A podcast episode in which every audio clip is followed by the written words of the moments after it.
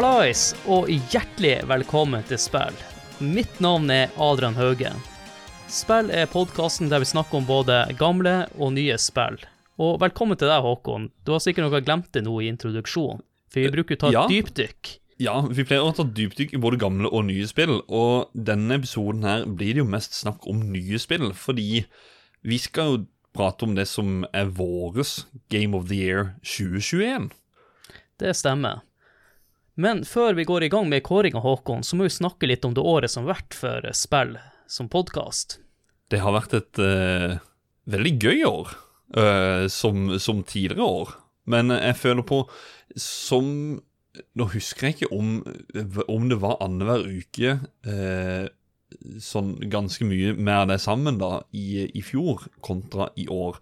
Året, eller årene før der igjen, da er det jo litt med pappapermflytting, eh, PC-en sto i stua, alt sammen, så ting passa ikke hele tida. Men eh, nå er vi på en flow, altså. Det er jo slik at med en gang du kunne være med for fullt, så har du jo vært en stor pådriver for at du skal ut hver 14. dag. Ja. Og vi har jo hatt litt utfordringer nå i høst med at vi har måttet spilt inn episoder i forkant, og kanskje tatt opp noen episoder når vi egentlig ikke har hatt tid til det.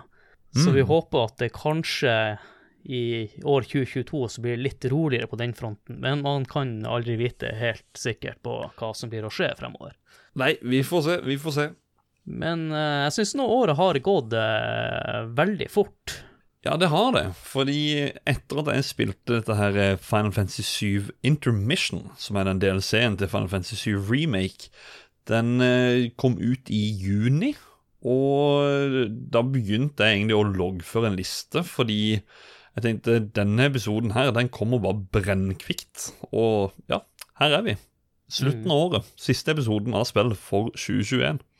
Og jeg har ikke lagd ei liste i det hele tatt over spillene jeg har spilt i år, så det her blir jo litt spennende litt senere i episoden. Men vi starta jo året, Håkon, med en, eh, en trofa, eller et trofast spill som du er veldig glad i, Super Mario Bros 3. Det gjorde vi. Og eh, vi har jo den rangeringa på, på disse episodene, og jeg elsker å spille, men jeg har, jeg har fått litt sånn Jeg har fått litt pepper av at jeg faktisk har rakka litt ned på det. Men jeg elsker å spille, så det, er, det, ja, det var en veldig gøy episode. Og i forkant av den faktisk så streama jeg Det var Jeg kalte det romjulskos med Håkon på, på spillet sin Twitch. Eh, da gikk jeg gjennom hele spillet med å runde alle baner, eller altså alle verdenene. da, Gå gjennom hver eneste bane. Så jeg har 100% runda det spillet. Det, Det stemmer, jeg fulgte jo med mens du spilte det. Gjorde litt research, gjorde research mens du spilte. ja. Eh, det året har jo også vært prega av eh, at det har vært mye Metal Gear Solid for min del. mm. Så der lagde jo episoder om både Metal Gear Solid og Metal, Metal Gear Solid 2. Så det var Ja. veldig interessante episoder. Og så har vi vel egentlig gjort den eh, Det var liksom første offisielle spellbreaken som vi hadde. Spellbreak var jo et sånn Det, det er jo et hvor vi tar en, en break ifra spillformatet, hvor vi snakker om ett enkelt spill. Hvor vi heller da snakker om det generelt rundt spill. Ja. Og da skulle vi spille inn en PlayStation 1-demo-episode sammen med vår gode venn Trond Sinfor Borgårdsen. Mm, du hadde spilt inn med feil mikrofon. Det stemmer, og uh, det kanskje ikke alle lytterne vet, er at uh, han Trond fikk ikke vært med på episoden. Vi var akkurat ferdig med å spille inn, og uh, som du sa, Håkon, så oppdaga jeg at jeg spilte inn med feil mikrofon. Men han Trond kunne ikke være med, men vi spilte faktisk inn episoden rett etterpå. Ja. Så vi var bra sliten. Da hadde Yes. holdt på noen timer, og det er vanskelig å motivere seg, men vi var bare nødt til å få ut en episode. Ja, og folk, og folk skrøt, så det Ja, jeg skjønner ikke hvorfor. Altså Etterpå der så fikk jeg snakka med bare Karl Thomas Aarum og, og Dag Jørgen Finskudd om uh, Super Street Fighter 2 Turbo. Uh, min første episode alene for, for det året. Ja. Eh, Og du valgte å snakke enda mer om Street Fighter. ja jeg, jeg angra bitte grann på det, egentlig, for vi hadde jo allerede en episode en, med det og Dagve. Det var episode ni av spill, så den eh, kom ut eh, veldig tidlig. Og neste episode vi hadde, det var jo Battlefield 1942. Et spill jeg ikke har spilt noe særlig, men det var jo veldig interessant å lære seg mer om det spillet. Og så fikk jeg jo brukt litt av mine andre verdenskrig-nerdefakta, da. Mm. Jeg spiller, har spilt mye, men det var sånn derre uh, det, Jeg har ikke Jeg har ikke så veldig mye å komme med, men jeg elsker jo det spillet. Ja, Som en også var noe på privaten som gjorde at du ikke kunne delta på den episoden. Ja, jeg husker ikke hva det var, men ja. Nei. Og så hopper vi rett over eh, Vi hadde en spillbreak med noe Final Fantasy 7 eh, remake news som er utrolig lei. Ja. Ja. Men så hadde du en spennende episode her, Håkon. Breath of the Wild. Jeg syns det var en veldig interessant eh, episode å lage, fordi at jeg var jo litt negativ til spillet, men Å være negativ er jo å ta litt hardt i, da, men jeg syns vi fikk en interessant diskusjon rundt det. Og det ble jo en episode som vi snakka med hverandre, at det her var jo noe vi hadde sett for oss. At den, så, sånn skulle den være. Ja, og det gøye var jo at jeg fikk faktisk spilt det spillet. Eh, Det var jo eh, korona som herja midt oppi dette her, og jeg var gørr forkjøla, så da måtte jeg være hjemme. Da var det ikke stort mye å finne på, så jeg satt og spilte Breath of the Wild.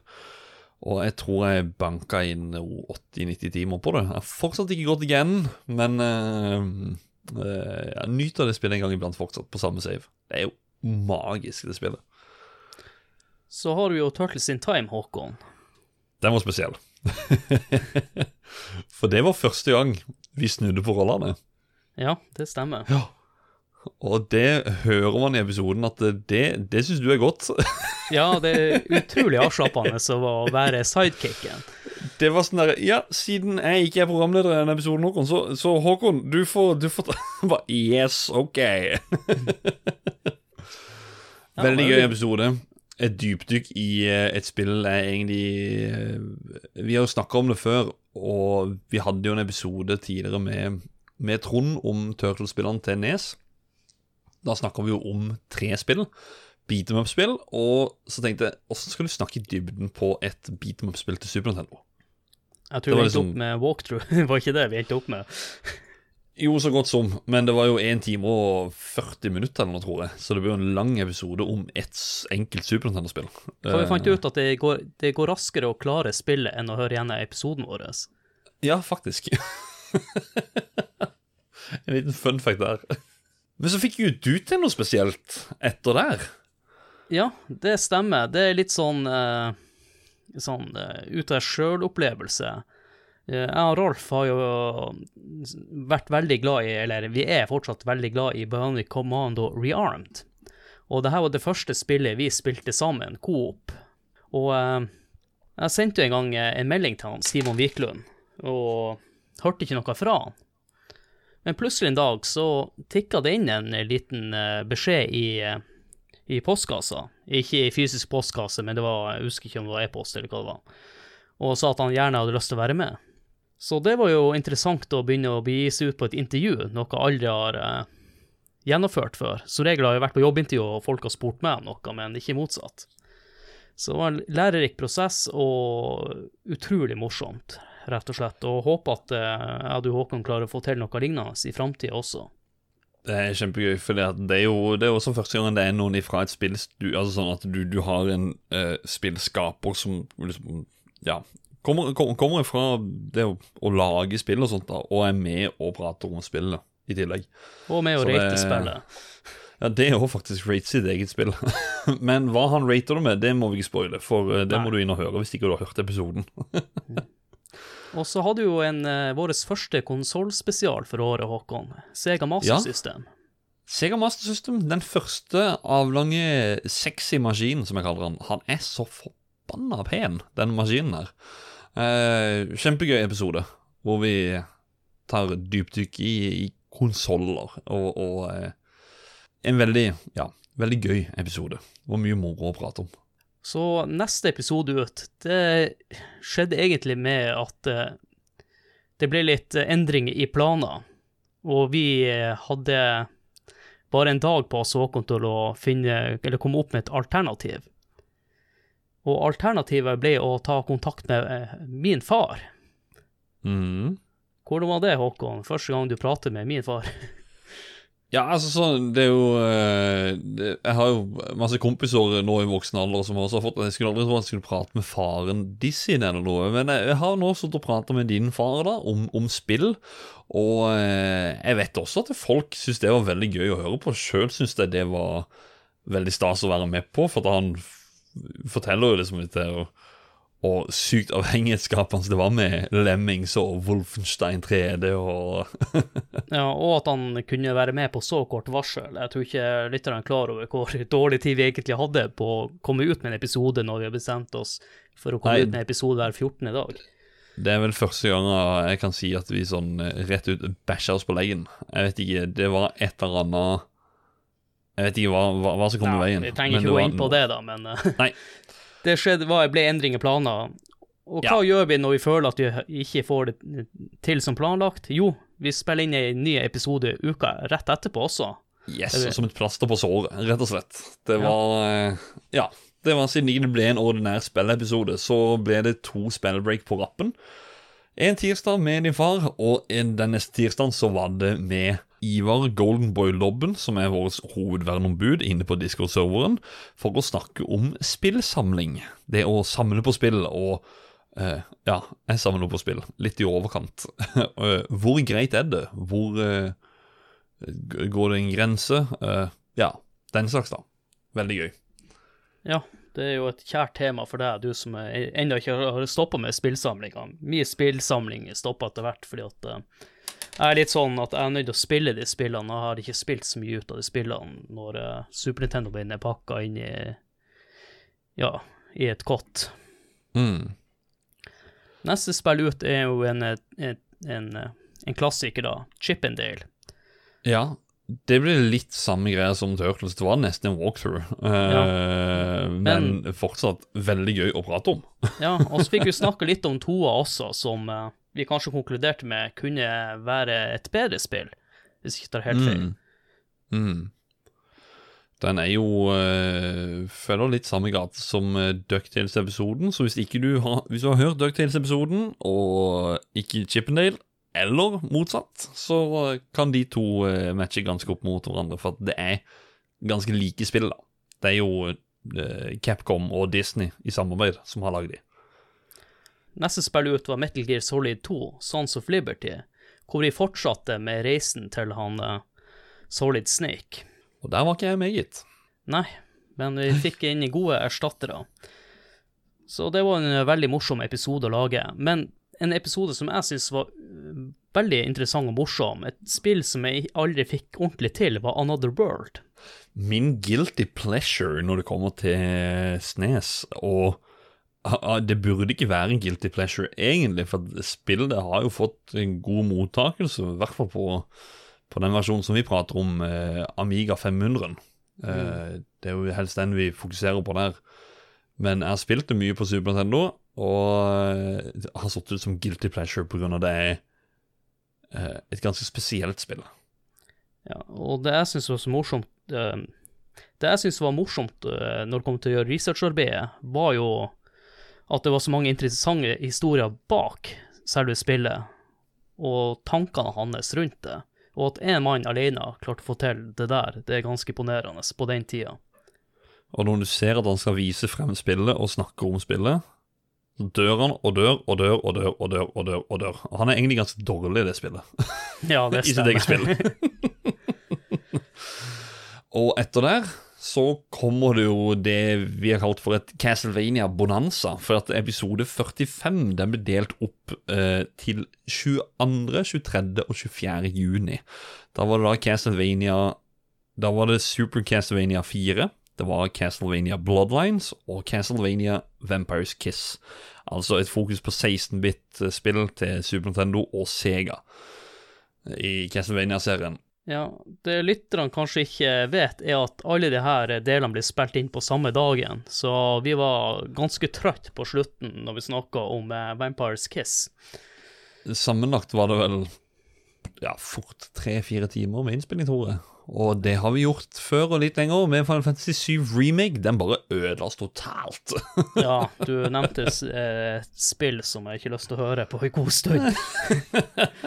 Neste spill ut var jo Eller det var jo en spillbreak, det. Det er jo snakk om speedrunning.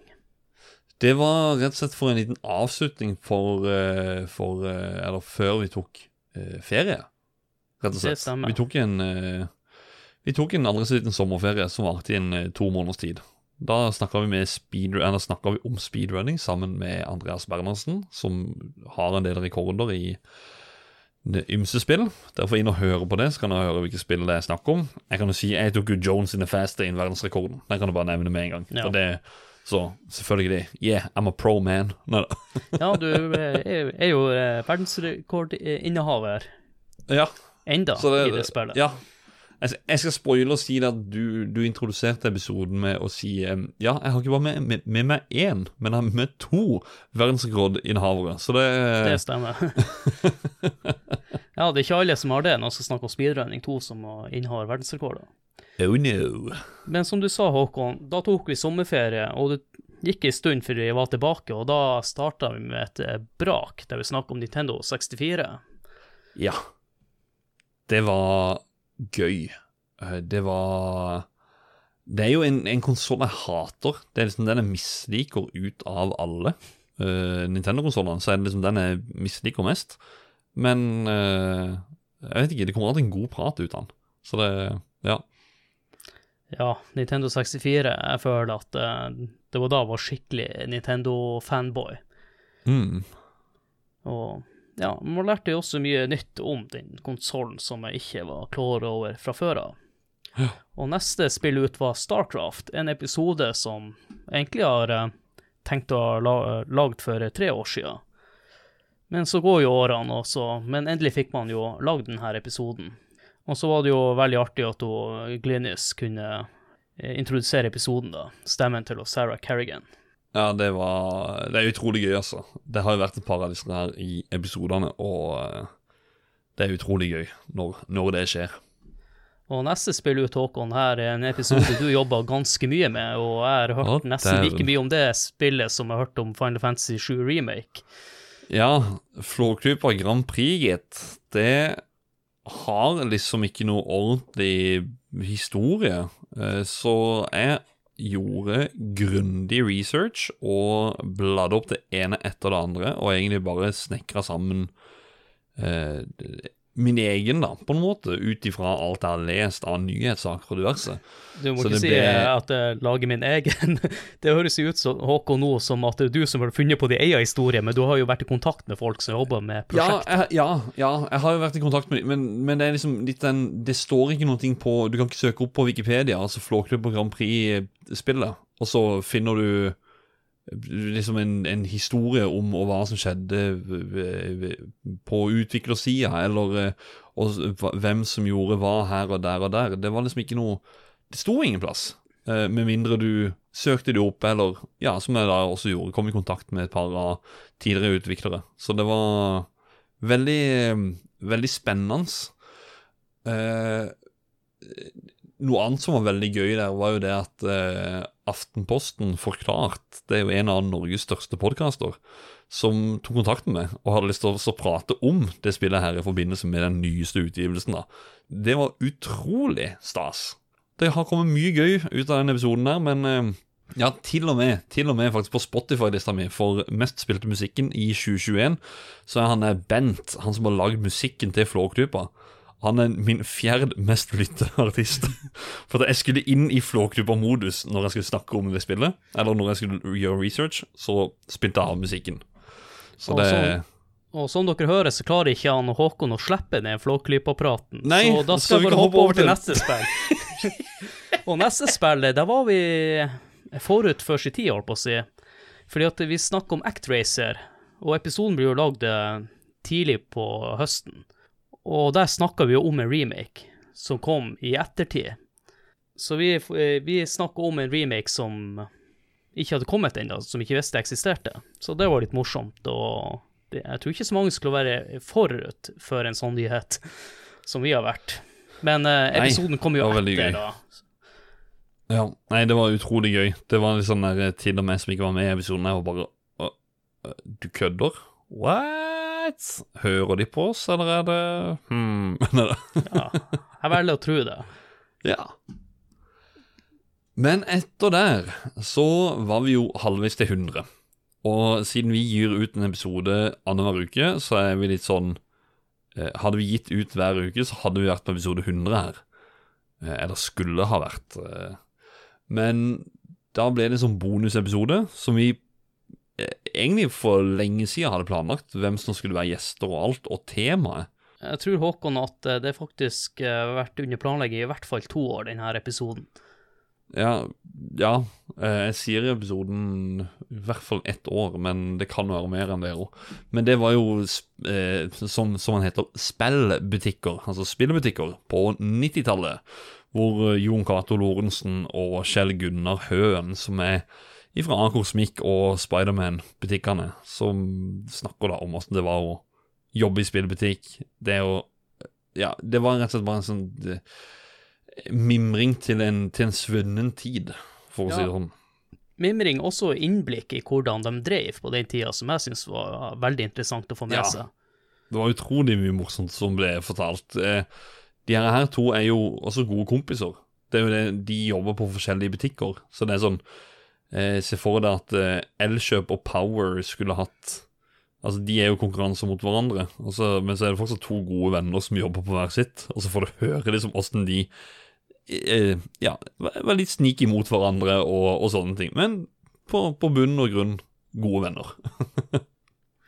Og neste spill ut var jo faktisk et spill du spilte for første gang, som gjorde episoden veldig interessant, da. Og jeg fulgte jo med mens du streama Silent Hill.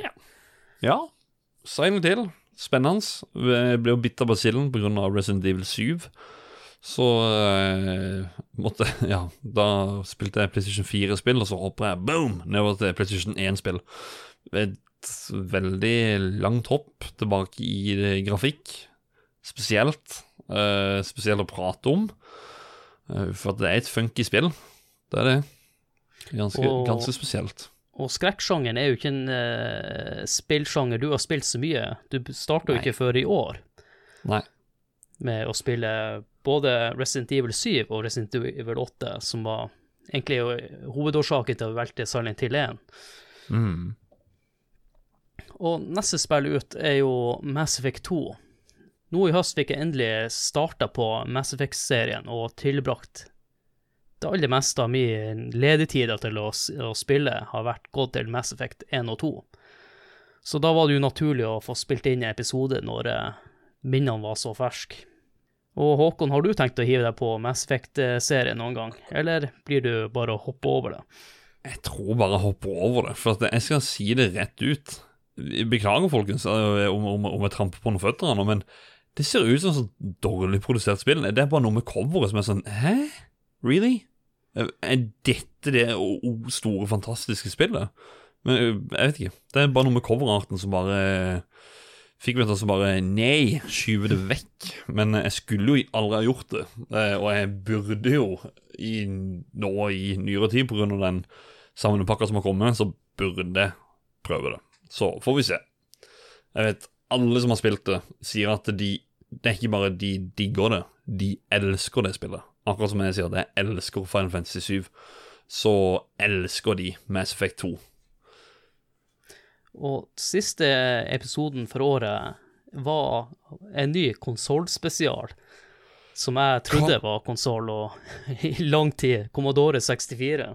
Are you keeping up with the Commodore? Because the Commodore is keeping up with you. Ja, det hadde vi. Og um, det var jo litt med tanke på Vi hadde en Amiga 500-episode som eh, falt i god smak hos folk. Og så tenkte de hm, vi må jo ha Commodore-episoden.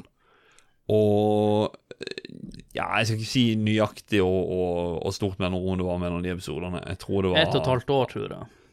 ett og et halvt år, ja. Og vi skjønte jo at vi kunne ikke vente særlig lenger med det. Eh, Commodore 64 betyr såpass mye for folk at det er Ja, det er absolutt verdt å ta en, ta en, lang, eller, ta en lengre prat om. Men uh, for min del jo- så handler det jo ikke bare om at uh, folk som har lyst til å høre om han, men det jo, jeg syns det er veldig interessant å gjøre research til maskiner som man sjøl ikke har innblikk fra, fra før av. Så jeg syns jo det er jo utrolig lærerikt. Så det er ikke Og sånn at vi bare lager episodene for at andre vil høre på. Vi, vi får jo noe igjen sjøl for det. Ja, ja, ja, absolutt. Eh, men det er jo også første gangen vi hadde en, eller en av gjestene til å ta en del av historien bak denne maskinen. da. Vi har alltid historie om utvikling og sånne ting i episodene. Og, eh, men det her så var det en av gjestene som tok den delen, faktisk. Og det passer jo veldig bra, Håkon, for at i hele høst har jo både jeg og du holdt på med oppussingsarbeid. Jopp. Så det har akkurat gått det her året. Eller i hvert fall denne høsten. Ja. Men Håkon, nå har vi jo hatt oss en liten oppsummering om det her spillåret. Da tror jeg det er på tide å introdusere episodens gjest. Det syns jeg er på god tid. Det er ikke lenge siden denne karen var med. Det er Ralf William Numelin, altså eh, the host fra sidelinja, vår podkast Ja, bror. Gud, tenker jeg vi sier. Gud! ok! Eller Jesus. Jeg kan nøye meg med Jesus i Ja, ok da. Ja, ja, ja. Ja, ja. Vi, Sier, vi sier mye sånn her her i Kristiansand. Velkommen tilbake. Eh, Jeg var ikke med sist eh, Jeg tror sist vi var i en episode sammen, det var faktisk fjorårets Game of the Year. Ja, jeg tror det. Ja, det kan hende. Så ett år med eller hver gang dere tar opp sidelinjelag, men han Nei, sidelinje skal gjøre spill. Han Rolf har jo vært med i de Eller vært den gjesten som har deltatt på flest episoder det her året, og jeg tror inkludert nå Game of the Year, så har han vært med på hele seks episoder. What? Det er en, det, er- det er en applaus. Applaus fra publikum som vi hører bak her nå. yes. ja, da skal vi kåre altså Game of the Year. Ja, Ja. men før den tid så må vi jo eh, snakke litt om eh, hvordan det her spillåret har vært, og hva synes vi om de spillene som kommet ut i år? En eh, Ja, hva skal jeg si? En bunke En god bunke gode spill. Eh, jeg har kost meg med forskjellige titler. Drøssevis. Tenkte, tenkte jeg måtte telle igjennom og, og faktisk notere i, i, i et lite notisblokk her på, på PC-en. Og da jeg kom frem til 24 spill totalt spilt i år. Så det altså, jeg mener 15 eller 16 av de eh, er ifra i år. Så det er et fint, fint spiller. Enn du, Ralf? Ja, eh, hva vi kom til eh, Jeg tror jeg har spilt eh, si tolv spill i år, da. Og, og det er jo en del ting som jeg har vært litt sånn interessert i, og, og, så, og så har det kommet ut, og så har det vært drit. Så jeg, Det teller jeg ikke med på at jeg har spilt det som har vært drit, og så har jeg bare lagt det bort med en gang. Eh, så når jeg ser gjennom lista over spill jeg har spilt i år, og at de, at de faktisk kom ut i år, det har jo kommet masse remakes i år, eller remasters og sånt, eh, så er det bare eh, to spill, nei, tre spill på denne lista mi som jeg har, som, har, som kom ut i år. så, som, som, som for første gang kom ut i år. Så, men dere får ha meg eh, unnskyldt hvis, hvis det er noe som jeg tar med, som har kommet tidligere, men som kom også ut i år. Jeg, jeg velger å kite på det, for det har vært mye dritspill i år. Det må Oi. vi si. Ja, jeg, jeg, jeg sa nettopp at det var veldig og positivt. remasters Altså det er jo bare sånn Hvis du skal ta Når vi kommer til Vi kommer jo til det senere, årets skuffelse. det. Det er liksom årets skuffelse. Insert remake here. Eller remaster here. Jepp. Vet vet vet du hva? Vi, sparer, vi sparer den ballen til, til årets skuffelse, og som er i en av kategoriene. Enn du da, Adrian? Hva, hva syns du om spillåret? Det er ganske likt det han Rolf Ralf har forklart. At når det kommer til eh, spill som faktisk har kommet ut i år, som ikke er en remake eller noe sånt, så er det Jeg tror det er maks tre spill. Og to, og to av dem er sportsspill. Og jeg har jo slakta et spill som heter Returnal uten å ha spilt det, men den eh, demoen vi så i februar Det så Det fantastisk ut. ja, det frister ikke, og um, det, det kan jo hende at det er noe jeg har gått glipp av, men det er litt med de Rogue-spillene som ikke fenger meg på den måten. Nei, nei, altså alt uh, Hver sin sjanger, holdt jeg på å si. Jeg syns det så dritkult ut fra første øyeblikk, men det var litt den derre arcade shooter-feelinga jeg fikk av det. da. Så, Ja, men det betyr ikke at jeg har spilt mange dårlige spill i år, fordi at uh, jeg har jo hatt en uh, bråte med spill og, og backtracke, da. Og en av dem er jo den uh, Mass Effect Legendary Edition som kom ut. Som gjorde at jeg endelig kunne få gjenoppleve, eller ikke gjenoppleve, men oppleve den spillserien. Og så har jeg et SNES-spill som har uh, tenkt lenge på å spille, som har fått spilt. Og så et spill som heter God of War, som jeg også har storkost meg med. Så jeg har fått spilt en god del gode spill, men akkurat de spillene som har kommet ut i år, så er det ikke mange der som har fanga meg, og fanga min interesse, da. Og så har vi jo en podkast der som gjør at vi er nødt til å spille mange andre spill i forbindelse med research. Mm. Så det er kanskje utfordringa med å drive på med sånn spillpodkast, sånn som vi gjør. Mhm. Og når jeg først er inne på at man ikke har fått spilt alt mulig, så hva er Vi kan jo begynne med kategorien, eh, Håkon. Årets anger. Du kan Årets forklare anger, rundt ja. den. Ja, det er egentlig bare sånn at før vi begynner også å nevne disse andre spillene, vi tenker bare, vi bare begynner litt lett. Det er, det er liksom ikke en del av kåringa, men bare nevne er det, er det spill vi angrer på at ikke vi har fått spilt i år? Er det noe som er sånn ah, Det skulle jeg ha spilt, men jeg har bare ikke fått tid til det. Ralf? Fy faen, jeg gravde dypt for den her. Det var, okay. det, var, det van- det var det vanskeligste spørsmålet på hele, hele lista du sendte meg, faktisk. Jeg, jeg har Det- det- fire spill her. Ja, men nei, det, det, det blir ikke verre, liksom. Det, det, her Igjen da, det reflekterer på det jeg sa i stad. Men øhm, det jeg til slutt kom fram til, da, det var at uh, jeg har ikke fått spilt, og jeg kunne tenkt meg å spille det, for jeg likte jo det opprinnelige spillet som kom på VU. Super Mario 3D World and Bowsers Fury. For jeg, hadde, jeg hadde, kunne tenkt meg å spille Bowsers Fury. Det er jo et nytt spill i år, da. Men uh, den øh, Super Mario 3D World, den kan jeg jo eh, fra før av. Men det er jo én pakke. Det har jeg ikke spilt. Det kunne jeg kanskje tenkt meg å spille.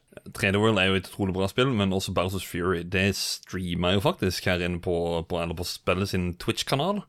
Jeg tror jeg streama hele spillet på en tre-fire streaming sessions i påska. Og det er så, ja, det er sånn påskespill. Koselig spill. Kort, enkelt, stort, fint. Ja. Jeg kan eh, hoppe inn og bare si at jeg angrer akkurat som jeg gjorde i fjor. Fordi at uh, i år så kom det uh, Directors Cut av dette spillet. Det er Ghost of Tsushima. Tenkte Jeg hadde lyst til å spille det på PS4. Og så Adrian var ikke så veldig positiv til det i fjor. Var litt skuffa der. Ghost of var sånn- Tsushima. Ja. Jeg skrøt jo av det. Nei, men det var noen bosser der som du ikke var så veldig fan av. Det er jeg litt usikker på. Det er ikke Da må du huske feil. Ja, OK. Uansett, da. Så hadde Jeg liker at du prøver å hive meg under bussen der. Og Nei, nei, nei, nei, nei, nei, nei, nei, nei, vi skal, vi skal ha bare diskusjoner. Men um, så tenkte jeg, nå har jeg en PS5, og så har Directors Cutten kommet ut. Uh, ja Kanskje spille det denne gangen? Nei. Har ikke tatt meg tid til det. Så det, det sitter fortsatt som et spill jeg har lyst til å spille. For min del så Når du snakker om Directors Cut, så har- tenkte jeg kanskje å kaste meg på Death Stranding. Men det virker som et stort tiltak å, å starte med det spillet. Og et annet Ja. spill som jeg har nevnt tidligere nå, er jo Returnal, som jeg slakta, og så er jeg litt sta. Sånn at eh, Det er sikkert et dritbra spill, men det er fordi at jeg slakta det når jeg så spillet, så ga det meg lite. Så det, det, klarte ikke å trigge meg helt, men jeg tror det kan være et spill jeg blir å angre på at jeg aldri kommer Jeg skal- aldri si aldri.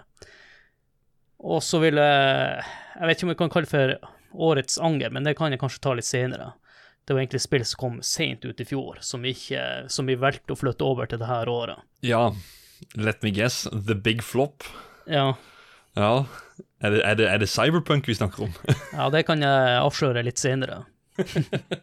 Jeg kan ta så nevne min neste. Det er jo It Takes Two. Den uh, toplayer-opplevelsen der er noe jeg har vært gira på siden det forrige spillet sitt, som het A Way Out. Og så kommer dette her, og jeg snakker med en av mine beste kamerater, Lars. Vi er veldig gira på å spille det. Nei, han blir for opptatt med Apex, og så ble det bare aldri noe etter det. Og så har liksom det ene etter det andre skrytt her og der, og det vant nå nylig altså årets beste spill hos Video Game Awards. Ja, så det sitter litt inne å ikke ha prøvd det spillet der. Men eh, det kommer en dag, og det skal spilles før Ghost of Tsushima. Det skal det. og så nevnte jeg også, eller så har jeg også skrevet ned Returnal, som du nevnte. Og det nylig utgitte spillet Solar Ash, som ser ut som et sånt speedrunning-spill. Samme skaperne av Hyperlight Drifter. Og ser kunstnerisk fint ut. Fast-paced. Akkurat som jeg digger det. Det var min liste. Er det flere spill å nevne som angår? Nei, faen, ikke, ikke det i det hele tatt. Som sagt, jeg har spilt igjennom sånn som jeg følte jeg var gadd å spille. Nei, eh, Utfordringa vår tror jeg også at uh, prisen på spillet har jo økt betraktelig. Så På det er, PS5, er også ja, det er også en litt sånn den kneik å hoppe over. Hvis det er noe spill som du ikke har lyst Eller hvis du har lyst til å teste ut noe, så må du betale blodpris for det. Og det er jo en ting med Returnal at uh, kanskje blir å spille det litt uh, Ja, om et år eller to Når det kommer på salg tilbud. til 700 ja. kroner. Ja, så Skal jeg komme med et ørlite tips der? Det er derfor en går og kjøper seg diskversjonen av PlayStation 5 hvis du faktisk skal kjøpe noe. Den koster 1000 eller 1500 kroner mer. Det mellomlegget der, det sparer du greit inn når du kjøper spill på f.eks. sånn som nå. Jeg liker å si det, Black Week, men da er faktisk spill meget redusert i pris. Og det er mange spill. Og du kan bare ved en pakke hvor du kjøper fem forskjellige spill, så har du spart det mellomlegget. Boom! Og de tipsa kan du realisere om ett år. Ja. og så, så kan du gå inn på Finn, og så kan du finne enda billigere. For da, er sånn her, da er det så billig på nett at du kan bare inn og prute der òg, til og med. Så har du Returnal til 400 kroner. Ja, men da må jeg Boom! putte en disk inn i maskina. Det tar det et halvt minutt. Og så har jeg masse cover. Slutt å klage på de her coverne, for de er så små at de gjør ingenting. Hun Ja, men kan hvor gjemme skal dem ha under sofaen. De- Under sofaen. Nei, Det er ingen- det er ungene ingen som ser plukker dem opp, og så spiser de dem. Nei, så legger du inn i Nei, kneskapet. nei, nei, bak jeg skal ikke ha et eneste fysisk spill. eh, Jeg tror jeg skal legge den diskusjonen død, og så skal Ja. vi gå over til neste eh, kategori. Eller nå begynner jo kåringa her, Håkon. Nå begynner kåringa. Vi begynner med første kategori. Da er det på tide å introdusere årets overraskelse. Mitt navn er Lars Rikard Olsen fra Lolbua og Spillrevyen, og det finnes jo ikke noe tvil i eh, både meg og Jon Cato sine øyne og ører og andre kroppsdeler. Hva var årets overraskelse? Jo, det var finske Returnal fra Housemark. Holy Maloney! Ikke bare var det årets overraskelse, det var jo årets spill òg. Jeg skjønner ikke hva de tenkte på, det her Game Awards. It takes two. Nei, it takes one. It takes me og hun romskipdama som krasjer igjen og igjen. og det er, det er Metroid i ny, ny form. Det er bare så herlig å springe rundt og utforske. Masse skumle aliens, masse våpen. Du låser opp nye områder osv. Årets overraskelse, årets spill. Beklager å spoile det for, eh, for eh, resten av spill har eh, avslørt det, men årets spill og alt mulig er finsk. Tusen takk, Lars Rikard Olsen fra, som han sa sjøl, Lolbua og Spillrevyen. Vært, eh, vært gjest her et par ganger før. Returnal, sa han. Er, Ja. er, er de finsk, de som har laga det? Ja. Og så har ikke jeg spilt det. Men jeg, jeg, jeg gikk inn, og så klikka på det, og, og så så jeg på den der han, eh, traileren som lå inne på sjappa, og så bare Nei. Ja, men, Ja. Og så klikka jeg videre. ja, for det er jo akkurat det For noe med- kjedelig bæsj. Når vi, når vi så på den traileren her i februar, så satt vi med samme feelingen som du, Ralf, med at uh, du ble ikke, Ikke bergtatt av det her. Nei, nei. Ikke si vi. Jo, jo, jeg tar med deg, Håkon. Eller- i hvert fall meg, da. Jeg sa, jeg sa faktisk det som han sa sjøl. At Metroid er bare Øy, det er sånn space shooter. Det, det her er jo sånn Og så var det dette her med at det så ut som rogelike. Det kommer masse prosjektiler, akkurat som i disse top down arcade-spillene, som er sånn Du skal være så nøyaktig på hvordan du beveger deg. Det er et mønster å følge. Det så jo konge ut ifra øyeblikk nummer én. Ja, ja, vi er nå uenige der, da, Håkon. Og Ja. jeg, hører, jeg, jeg hører jo nå at uh, jeg er jo nødt til å få testa ut det spillet her, men jeg blir ikke betalt fullpris for det. Nei. 899, var det var det det sto ute til? jeg har ikke sjekka på prisen heller, som sagt. Det, Eh, det gidder jeg ikke å bruke på et spill som ikke har noe, noe som helst eh, forhold til, liksom. Men um, han introduserte jo spalten Årets overraskelse. Og så Vi skal jo fortelle hver vår overraskelse, så jeg tenker Adrian kan begynne med det. Hva var årets overraskelse? Var det et spill? Øyeblikksspill? Spillnyhet? Det første er jo ikke min eh, årets overraskelse, men vi har lyst trekke det fram. Ja, han Ralf lagde jo, og han Martyrik, kjent som Karsten Solheim, jeg liker at jeg kjenner bedre med nikket enn med selve navnet sitt. Vi lagde jo en episode om Actracer. Og denne episoden blir jo lagd fordi at um, både jeg og du, Håkon, vi, vi har hatt ganske mye å gjøre i, nå i høst. Så når vi ga ut episoden i september, eller slutten av september, hvis jeg ikke tar helt feil, så kom, var jo akkurat Actracer-remaken publisert. Og det var jo noe vi snakka om i episoden, at det kunne jo vært kult, i hvert fall som mobilspill, eller måte å tjene mye penger på. Så det var jo litt artig, da, at vi snakka om en remake, og så bang, så kom det en remake. Det er som vi sier, internett, internet hører eh, hva vi sier for noe. De hørte dere. Ja. Det, men eh, den remaken kom jo også ut før vi hadde eh, gitt ut episoden. Men det er ikke det som er min over, årets overraskelse. Det er mulig jeg ikke har fulgt med i time eller noe som helst, men uh, Metroid Dread tok meg jo litt på senga, for å si det sånn. Mm. Kongespill. Ja, det er storkost meg så langt med det. Enn du, Ralf? Hva er din overraskelse i år? Ja, jeg- du spurte jo han Adrian først. Actracer Renaissance. Vi lagde en episode, og så bare bang, kom det en jævla remake av det. Det var en fuckings overraskelse. Ja.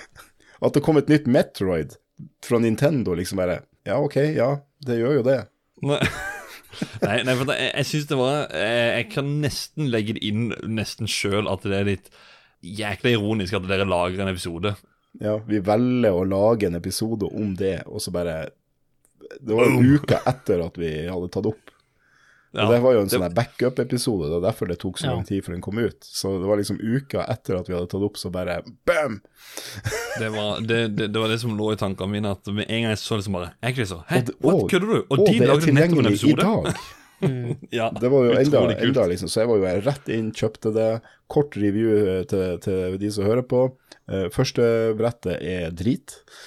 Eh, det, det er Alt er egentlig drit. Musikken er bra, eh, men, men alt annet er drit. Og, og, eh, og så er det helt vansinnig mye tutorials i, i begynnelsen når du bygger. Men så blir du bare sluppen fri. Deilig. Og da er det bare helt fantastisk. Men det er grusom start på det spillet. Jeg, jeg Ja. vurderte mange ganger og bare Nei, det her gidder faen ikke. Du må over i eh, stor kneik for at du skal like det. Det er jævla kneik. Nei, jeg har vurdert på Actracer sjøl, men da eh, Snes-versjonen, selvfølgelig. Det er det som er planen hvis jeg skal spille det. Men for min egen del så har jeg med en som er nøyt til å være fornevnt. Det er Kena, Bridge of Spirits. Jeg så Det var vel en State of Play hvor det spillet ble vist. Det var sånn derre hm, det, det er bare noe Disney Pixar-greier. Og så kommer det ut, og så øh, fikk jeg testa det, og det var bare helt, helt, helt amazing. Men min vinner for overraskelse, det var Halo Infinite Multiplayer, som plutselig var på nett. Jeg bare OK, vi står det ned. Jeg tenkte, er dette her kanskje noe sånn Battle Royale-greier? Et eller annet. Møkk lei den sjangeren. Uh, PubG spilte det først nå nylig, og har ikke rørt på over et år, grunnet jeg er lei den sjangeren. Det er alltid noe eh, Battle Royale her, Battle Royale der. Disse her går back to the roots. De går inn til kategorier som Stronghold, hvor du skal holde eh, base A, B eller C, og så frem til eh, det ene laget har mest poeng. Du skal ha Capture the Flag og flere sånne kategorier. Den gode, gamle stilen som var i spill som Call of Duty Modern Warfare 2 eh, eller Code 4. Alle disse klassikerne som nå bare er gått inn i Battle Royale og vekk, så ble det dratt inn igjen. Og det overraska meg det at det bare plutselig var der. Det, det er jo ingen tvil om at eh, Halo har virkelig tjent på at Call of Duty og Battlefield har fucka opp så inn i granskauen. Og at Fortnite ikke er kult lenger, og at eh, Blizzard er mm, ja, til hals til nakken i søksmål over diverse Ja. Ja, så, så ja. Nei, så det, det er Halo Infinite, altså. det Halo var kom på riktig plass og riktig tid, og det, det er kult. Jeg må si det, jeg òg. At det er en er overraskelse at eh, Halo Multiplayer er, er bra, det, det er det jo ikke. Nei, eh, jeg har ikke spilt de andre Halo-spillene. Så det, for meg så er dette her første Halo-spillet siden, si, siden første Xbox. Halo Multiplayer det er liksom standarden for hvordan du skal gjøre multiplayer. Og da kan jeg Etter, at etter at Unreal. Tournament liksom og, og Quake var ferdig, liksom. Og da må jeg innrømme at jeg har aldri spilt Halo. Eller eneste gang jeg spilte Halo, var på den første Xboxen på, på sånn demokiosk, da, inne på Ja. en spillbutikk. Ja, da er vi to. Men vi har flere kategorier, så vi hopper bare videre, vi. Hallois! Vi er gutta fra podkasten CD-spill, og vi er så heldige at vi har fått i oppgave å introdusere kategorien Årets eh, retrospill for, eh, for spill. Håper dere er klare for det. Jeg er eh, Mr. Mamen. Jeg heter Sigve. Jeg har, eh, jeg har noen kandidater. Og så tenker jeg at eh, det er gode kandidater, for jeg husker at jeg har spilt de, og jeg husker at jeg har spilt de i år. Jeg har spilt to skikkelige. Eh, Street Rod, bilspillet hvor du kan bygge bil og race. Det er jo skikkelig retrospill, Det er ordentlig retro. ikke sant? og til slutt så har jeg også spilt Jones in the Fast Lane. To rett, ekte retrospill som jeg har spilt i år. Har du spilt på retrospill i år, egentlig, eller har du bare snakka om de? Tester nå de spillene jeg prater om. Eh, Jeg har ikke, tid, jeg har ikke hatt tid til så mange andre enn de vi har eh, laget episoder om. Eh, Så jeg vet ikke, jeg. Mine, mine favoritter var definitivt Transport Tycoon. Jeg testa originalen litt også, bare for å, for, for å ha gjort det. Eh, Og jeg fikk også Fordelen med podkasten er å kunne gå tilbake til gamle spill, så, så Mean Streets var et spill jeg koste meg med. Men i tillegg så har vi altså eh, helt på en måte aktuelle Dune, eh, originale Dune 1, som eh, jeg syns er et mesterverk av, av et spill, som er, er fra 92, er det vel. Så jeg tror kanskje jeg må sette den aller øverst, at det er årets retrospill for mitt vedkommende. Det er originale Dune fra Cryo. En god, en god vinner. Jeg må jo kanskje velge jeg da, mellom eh, Street Rod og Johnson the Fastlane. Uh, Street Rod, uh, veldig gøy, uh, men uh, tidvis litt krevende. Uh, Johnson Fastlane er med casual gamer, og det passer meg veldig bra. Johnson the Fastlane er eh, årets beste retrospill for meg. Konge. Takk for at du hørte på. Lykke til videre med episoden. Ha det bra. Ha det bra! Det var Mr. Mamen og Sigve fra podkasten CD Spill.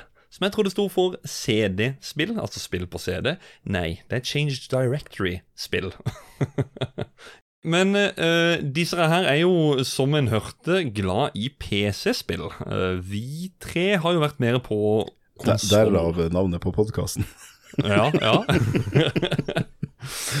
Så jeg tenker nå Vi begynte med Adrian i stad. Ralf, vi begynner med det. Hva Ja. er årets retrospill for det? Spillet må jo være utgitt før 2005. Ja. Jeg, jeg har jo faktisk eh, spilt noen, eh, noen retrospill i år, eh, og jeg endte til slutt på det et av de spillene som jeg måtte spille for å spille meg opp på en spilleepisode, som er utgitt før 2005. Metal Gear Solid 2. Ja, Nå trodde jeg du skulle si Metal Gear Solid 1. Men Metal Gear Solid 2, Det var i fjor, Ja, og jeg tror ja, det var mitt retrospill i fjor. Ja, ja. Muligens. Nei, nei, mitt retrospill i fjor, det var eh, Half-Life 2. Ja, jo, stemmer. Stemmer. Riktig. Ja, OK.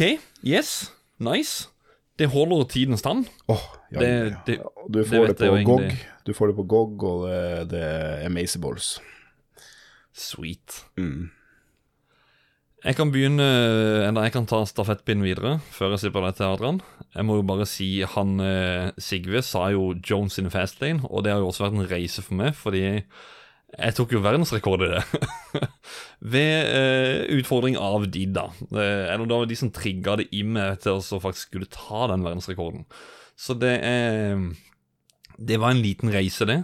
Men spillet som vinner er et spill eh, som jeg var nødt til å spille etter en annonsering av Nintendo om et visst Metroid Dread som skulle komme ut. Da fikk jeg vite at det var det femte spillet i 2D-serien, så da tenkte jeg oi, jeg har jo bare spilt uh, Metroid 3, som er Super Metroid på SNES. Da må jeg spille nummer fire og nummer én, og så må jeg finne en måte å spille toeren. Så jeg spilte Metroid Fusion og Metroid Zero Mission. Der fant jeg da ut at Zero Mission er jo bare en remake av det første Metroid som kom ut på Nes. Også med en god del mer content da, eh, etter hvert i spillet. Fantastisk. Eh, Digga det. Gjorde seg slapp å, å spille NES-versjonen, for det, det sliter jeg ærlig veldig mye med. Eh, ja. Det er Metroid Zero Mission som stikker av med seieren her. Adrian? Ja, for min del så vil jeg jo først eh, bare si at det er veldig mange bra spill som han eh, Mr. Mamen og Sigve nevnte. Og eh, hvis jeg skulle valgt noen til dem, så ville jeg kanskje valgt Rollercoaster Tycoon ut av de spillene. Jones. Jeg har aldri spilt Jones, så det, det hadde ikke kjangs hos meg, i hvert fall. Nå jeg har jeg jo nevnt at det er noen spill som har kommet ut eh, ja, etter det vi har satt som eh, kriterier for retrospill, som er før 2005, som har storkost meg med for første gang. Vi har jo lagd mange bra eh, lagd mange episoder det her året, som man har spilt en god del spill, men jeg har lyst til å prøve å trekke frem noen spill som har spilt for første gang, da. Og når du Eh. sa det, så gikk eh, øynene til Ralf bare poppa ut her nå. Så Fuck, jeg han kom på et spill jeg har glemt av. Ja, bare Jeg jeg, jeg vil gi en honorable mention etterpå. Ja, du kan gjøre det nå, gang, Ralf. Ja, eh, Final Fantasy 12, for helvete. Nei, vent nå, det kom i 2006, kanskje? Jeg tror kanskje det kom i 2006, det er derfor jeg lurer på Ja, nei, glem det jeg sa. Ja, Ja. Ralf har jo likt hele året her å få det ut på glattisen, men en gang han klarte å få seg sjøl ut på Ja. glattisen. Det skjer, det skjer. Men, men det jeg skulle si, i hvert fall, at jeg har jo spilt God of War første gang, og Mass Effect 1 og 2 for første gang. Dessverre så er de for nye for denne kategorien. Men jeg har jo spilt det Kronotrigger, som har uh, overraska meg svært positivt. Det er et spill jeg vil anbefale ja, alle som liker JRPGs, til å teste ut.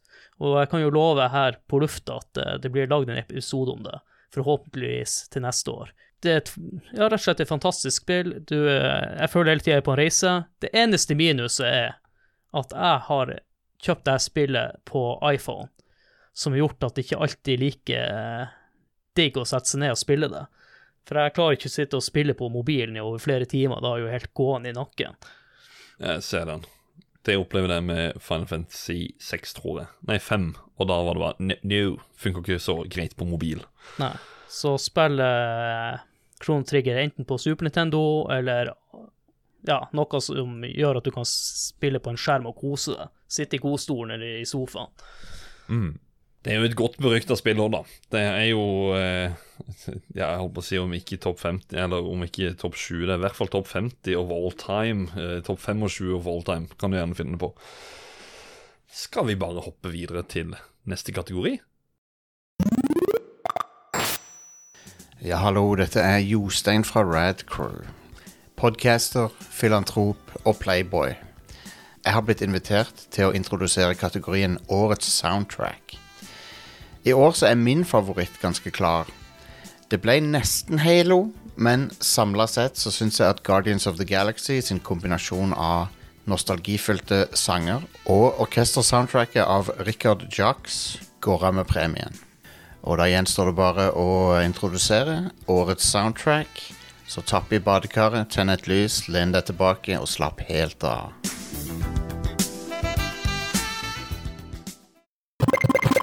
Den musikken du har i bakgrunnen der, Jostein, det er Altså, Skulle jeg gitt dem fra 1 til 10, så gir jeg det 12 av 10. Det er magisk. Ja, det hadde vært årets soundtrack. Og så er jo smørestemmen hans på toppen av det der, det, det, det Jeg følte det. Så når han sa 'tapp i badekaret' og 'sett deg ned og slapp av', så jeg hadde allerede gjort det. Så det er yes. Men han, han sa Halo Infinite der. Den, eh, den var interessant. Og så kommer han med Guardians of the Galaxy, som var på toppen der. Og det var jo overraskende. Det, det spillet jeg ikke har Jeg blir verken ikke så mye tenkt eller lyst til å spille. jeg har, jeg, jeg har ikke tenkt engang på å spille det, men uh, jeg syns jo det var Jeg er en av de som ikke bryr meg om de karakterene ser sånn eller sånn ut. Så jeg har jo fått med meg at folk klager over hvorfor ser de ikke ut som i filmene. Men uh, de er vel basert på noen tegneserier, regner jeg med. Eh, så Ja. de så jo De filmene ser jo ikke ut som de i tegneseriene, så, eh, så jeg tenker at uh, whatever på akkurat det.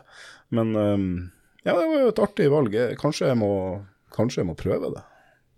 Jeg synes det er kult at det, å høre at de, de også holder litt sånn tro til til, til filmene, da. Sånn bare for de som, som du sa, da, med at karakterer kanskje ikke ligner, men sånn musikken i filmene er jo også bare helt amazing av klassiske rockelåter og, og alt sammen. Og hvis de har klart å bevare det i det spillet der, så eh, er det give it a go, tenker jeg.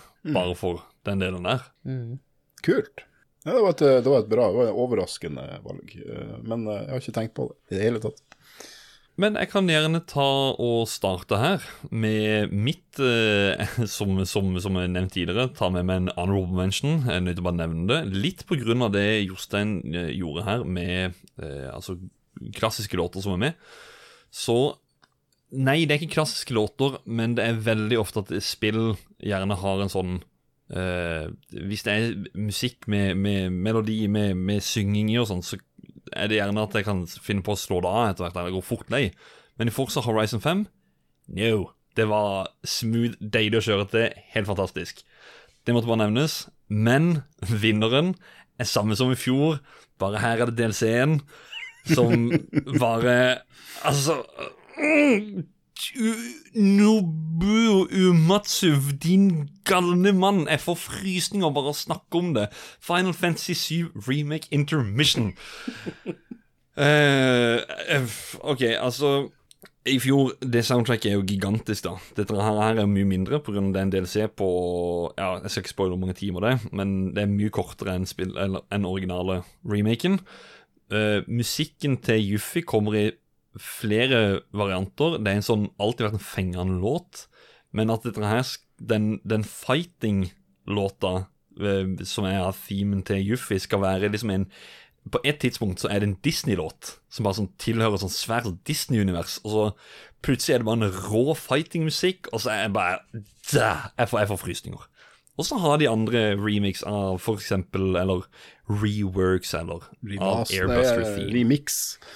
Ja, remix, eller ja. Eh, de har en annen versjon av Airbuster Theme i, i spillet også, som også er helt amazing. Og den Shinra Tower-remixen. Jeg kan liste opp så mye mer, Jeg, satt men jeg på være pause- jeg satt på pause i en halv time og bare peisa på volumet. Ja, det er helt, helt nydelig.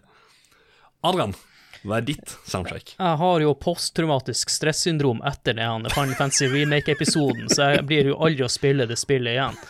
Eh, Det er jo jævlprat av deg, Håkon, så der kan jeg ikke gi noe eh, stemme til det. Sikkert bra musikk, men jeg ikke har spilt det og aldri kommer til å spille det, så jeg må i hvert fall vente i hvert fall i ti år til at jeg kan spille Final Fantasy 7 Remake eh, videre. Og det kom, del to kommer sikkert ikke før om ti år. Men det er noen annen sak. Han Håkon nevner jo Guardian of the Galaxy, og hvis det er mye 80-talls- og 70-tallsmusikk, så kunne jo det lett ha vært mitt årets soundtrack. Eh, mitt problem er jo at eh, de spillene har spilt i år, som kommet ut i år, og ikke er remakes, eh, gjør jo valget mitt veldig enkelt, men kanskje ikke det beste soundtracket, men det er noe beste ut av de jeg har, fordi at det er ikke så mange å så jeg må jo si Metroid Dread. Mm.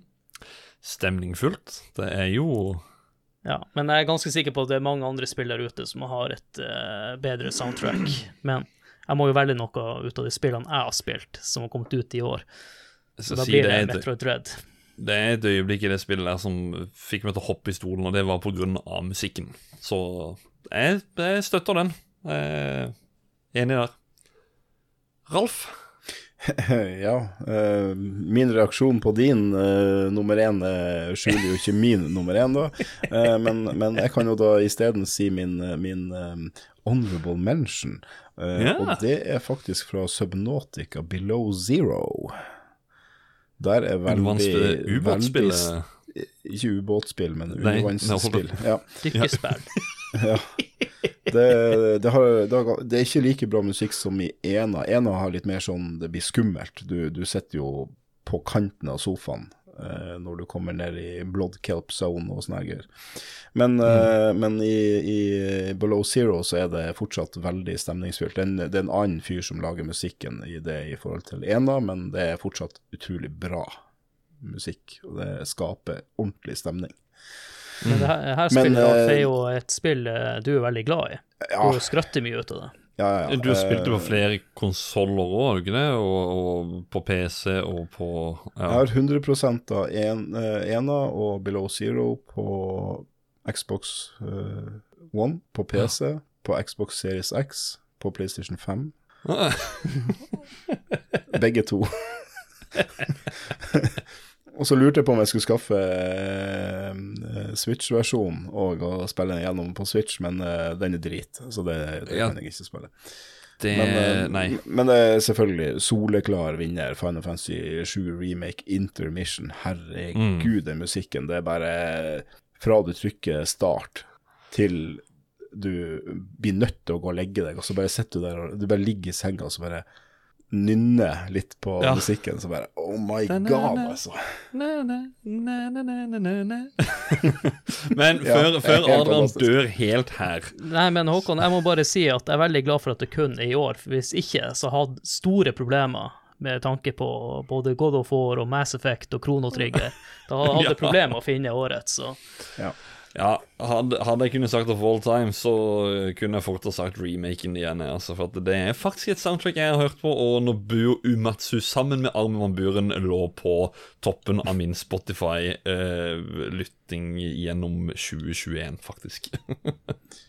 Ja. Men vi hopper over til neste kategori. Hei, alle glade gutter og friske jenter som hører på Spell, denne nydelige spillpodkasten som snakker om alle de tingene vi er glad i, nerdekultur, spill osv. Mitt navn er Andreas Hedemann, jeg er programleder og produsent i Nerdelandslaget til vanlig, men nå er jeg her, og det er fordi jeg har fått æren av å introdusere kategorien Årets hovedkarakter i denne spillkavalkaden som vi går gjennom her i dag. Og da spurte redaksjonen meg om jeg også ville snakke om min hovedkarakter. Um, og i år så har jeg spilt eh, både store Triple A-spill, og jeg har spilt eh, mindre indie-spill, og det var spesielt i den siste kategorien at det var ett spill som tok meg fullstendig på senga. Jeg snakker om en karakter som kommer fra den fiktive byen Calypso i Colorado. Han er en eh, kunstner som sliter med selvtilliten og sliter med å ta steget ut av eh, skyggen til sin veldig kjente folkemusikkonkel. Jeg snakker om den gitarspillende superhelten Francis Vendetti. En helt fantastisk karakter i spillet The Artful Escape, som ved å shredde seg gjennom universet ender med å redde verden eh, i sånn deilig eh, space-rockete 80-talls-soundtrack som, eh, ja, som fikk meg til å gråte, som fikk meg til å le, og som tok meg med på en reise i hva spill kan være. Så Francis Vendetti, min hovedkarakter 2021. Takk for den, eh, Andreas Hedemann. Han sa eh, Francis Vendetti fra Artful Escape. Et spill jeg egentlig ikke har eh, paid much attention til. Eh, Francis Vendetti er egentlig for meg et navn som er ganske fremmed. har dere? Jeg kan jo si at uh, jeg har ikke hørt om spillet i det hele tatt. Og en konsekvens ut av det her er jo den type podkast vi er. Vi er jo Ja. en podkast Jeg vil ikke si at du snakker kun om retrospill, men vi snakker veldig mye om eldre spill. Mm. Og vi er jo ikke en podkast som snakker om alt som er dagsaktuelt. Så her er jo ting som gjør at eh, vi går glipp av eh, en god del spill. For at vi må rette nesen bakover og over i tid. Ja. Så det her må jeg rett og slett eh, sjekke ut, for at jeg kan eh, kommentere noe på det han Hedman sa om karakteren. Men det er jo interessant fall at det er indiespill som vinner hos han. Ja. Nei, det er Jeg syns det er et interessant valg.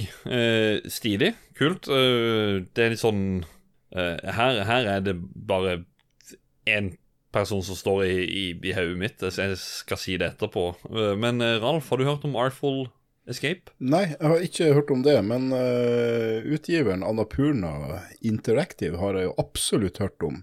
Mm. De har jo gitt ut uh, flere kremspill. De har jo gitt ut annet eh, Det var de som først ga ut That Game Company sine spill. De Ja. som har laga Journey, blant annet. De, har jo, de er også utgiver av eh, Solar Ash, som var dette her speedrunning kunstneriske spillet. Men uansett, vi skal ikke snakke om hva det spillselskapet har lagt ut. Vi skal snakke om årets hovedkarakter, og jeg velger å begynne her. Det er uh, Spillet er nevnt eh, flere ganger.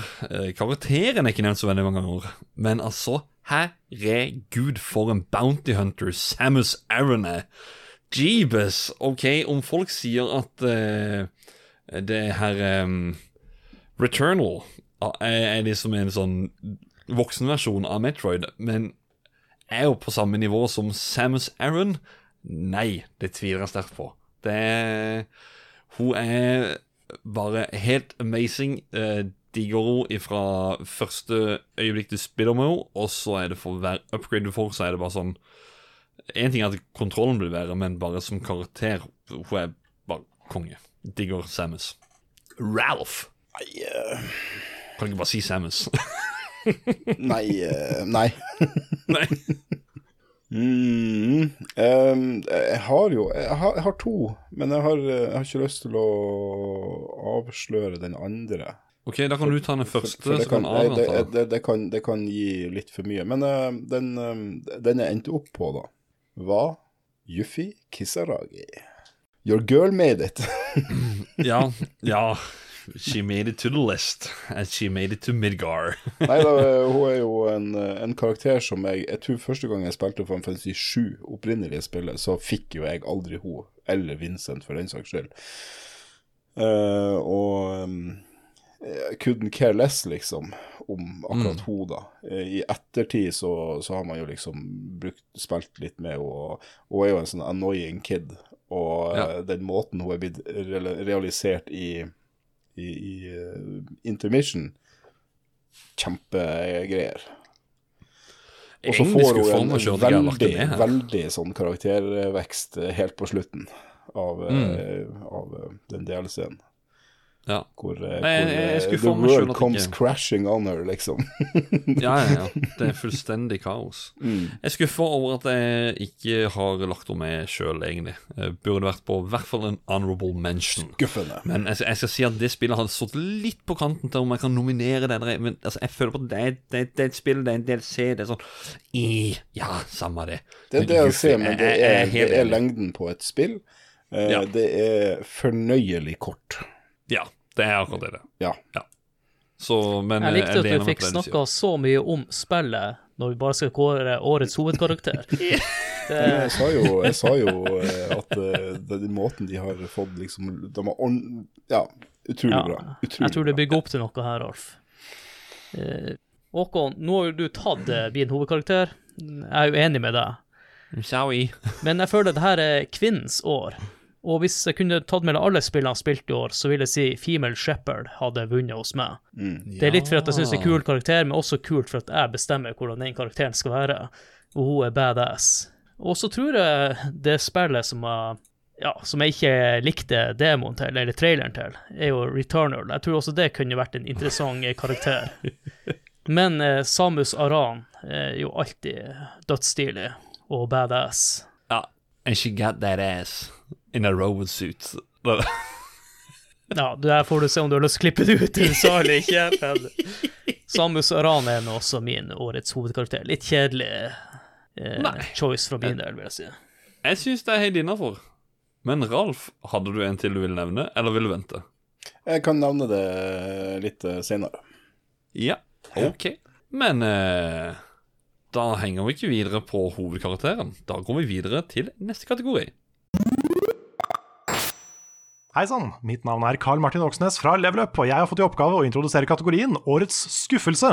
Men før de andre får slippe til, skal jeg dele min største skuffelse fra året som har gått. Jeg har tenkt en del på dette her, og det eneste jeg faktisk er ordentlig skuffa over i spillåret 2021, er hele mørja rundt Activision Blizzard og den generelt ræva og skadelige kulturen i mange store og små spillselskaper. Sånn kan det ikke være. Spark Bobby Kotick og vennene hans, luke ut all dritten i Ubisoft osv. Spillbransjen må være bedre enn dette her. Takk for meg.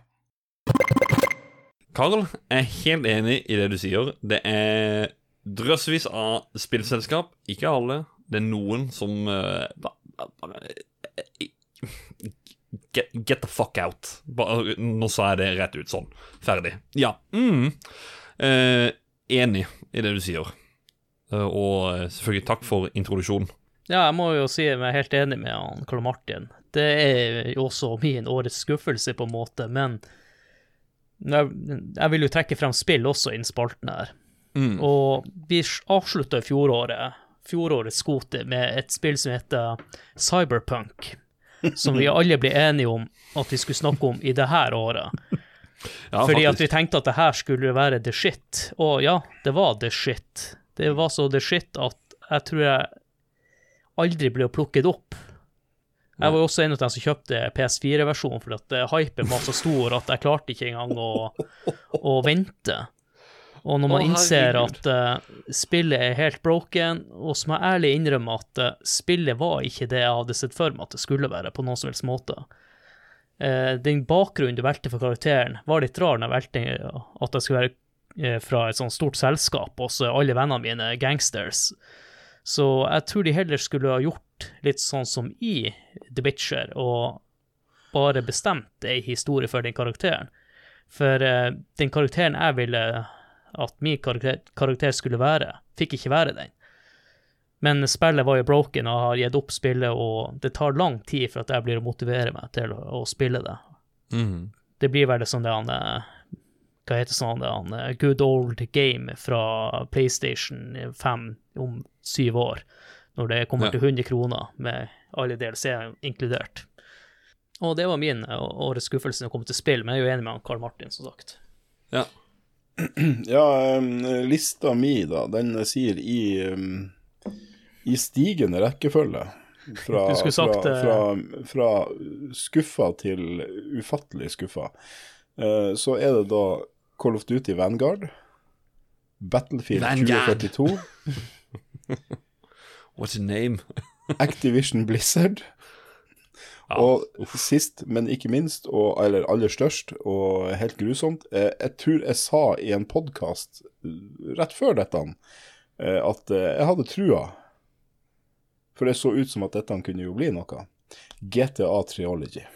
Ah, Eh, Triology. den eh, Ja, den toppa hele drilen. Men det er litt sånn årets skuffelse. Du kan egentlig sitte sånn uh, insert uh, remaster here. mm. Fordi um, Ja. Activision Blizzard, når vi først er inne på dem, da. Jeg vet ikke hvordan, den der, han, hvordan det gikk med Vi skulle hatt han Jan med her. Han, kunne, han har sikkert spilt det der han remasteren av, um, av Diablo 2. Det har visst ja, gjort det greit. fått, Om, om det er greit, eller om det er like søppel som uh, For det var jo hans største skuffelse i fjor, det var jo Warcraft uh, Refunded Edition. Ja, refund, ikke, ikke reforged. Refund. Refunded Nei, de skal øh, Folk har ut, ut av folk jeg kjenner, felles kjente av oss, Jens Olav, han har spilt mye og sier det Han var veldig fan av det første, altså originalen til Toren, og sier at dette her, det er, det er ikke reforged. Det er, det er, det er, det er Diablo 2 til så de lærte til noe Windows der, da, 10 eller men, eh, 11. Men eh, jeg har, jeg har likevel ikke lyst til å kjøpe spill fra et sånt eh, søppelfirma, så mm, ja. Nei. Eh, jeg er helt enig, uh, og uh, sånn kan vi bare begynne på spillfronten og si uh, Zelda, Skyward Sword, det er liksom det jeg venter på at skal komme ut. en ny versjon av det. Så kommer HD Remaster, men de kjører på med motion controls igjen. Kan de kutte ut? Altså, du snakka litt om Ja, og det er også en annen ting jeg vil trekke inn, sånn som du sa med, med GTA. Det er sånn Du har så store communityer rundt her, så vær så snill, Nintendo, Rockstar, dere store firmaer som har så mye penger. Gå ut til fansen, tilby de en liten pakke. Jeg skal love deg, hvis du gir halvparten av det en høyt uh, Eller en, en høyt respektert uh, spillutvikler hos Nintendo, si Shigeru Miyamoto, uh, halver, eller ta, ta halve lønna hans i, og si at dette kan du få hvis du lager dette spillet her. Selvfølgelig kommer de til å lage det, for de elsker det jo. De, det, det er jo passion for dem. Så vær så snill, hør på fansen. Slutt å komme ut med tull. Uh, ja. Jeg har en, er- eh, jeg har jo en sånn Switch. Som du peker frem, en, en Switch Light. Ja. Uh, emotion, e- e- emotion controls uh, er jo ikke helt uh, fungerende her. Og, og de har jo laga en sånn greie på det spillet der, sånn at du kan spille det med kontroller. Mm. Og den er visst broken EF. Ja, så kan de ikke heller gjøre som eh, Kanskje når de først hiver seg inn i spillet, altså istedenfor bare å legge nye teksturer, så kunne de kanskje ha koda om litt til at eh, når du må bruke motion controls, ja, da må du bruke motion controls eller den stikka. Da er det bitte, bitte grann. Da er det ikke sånn. Ja. Men en ting vi har jo lært, at det går jo aldri an å lære Nintendo noe. De må finne opp Nei. det sjøl. De må finne ut, de finner ut det her om ti år. We have invented a new thing. It's Ja. called motion control. Ja. Version eh, fant jo opp eh, åpen verden-spill eh, med, Breath of med, the Wild. med Breath of the Wild, og de fant jo opp eh, HD-grafikk med VU, og, Mm. og eh, de finner vel opp 4K her om en fem til ti år. Så Så Nintendo-kontoret er litt sånn mini-Nord-Korea. ja, ja, ja. ja det er helt Shigeru. Miyamoto er Men de lager underholdende spill. Det, det er jo det som er det viktigste. Det gjør de absolutt. Men jeg har en vinner her. For jeg tenkte sånn Jeg nødt til å gå skikkelig inn i, i, i spill. Um, og så tenkte jeg jeg må faktisk være litt kritisk. Jeg vet uh, noen setter dette som sitt Game of the Year. Mitt første møte med Resident Evil-serien var via Resident Evil 7. Når jeg kjøpte min PlayStation 5. For det var et av de 15 spillene du fikk med gratis på hvis du hadde, eller som du fikk med hvis du betaler for PS, PS Plus abonnement. Må jeg holde tunga, eller ordene rett her. Ikke gratis. Du, du er alltid så eh, skarp mot uh, Game Pass. Game Så jeg forsøkte jo Resident Evil 7. Jeg begynte på det, og du kommer liksom inn til det huset du er i. Eh, eller det første huset. Og jeg prøvde å gå inn der fem ganger. Jeg klarte det ikke. Det var så skummelt. Det var så ekkelt.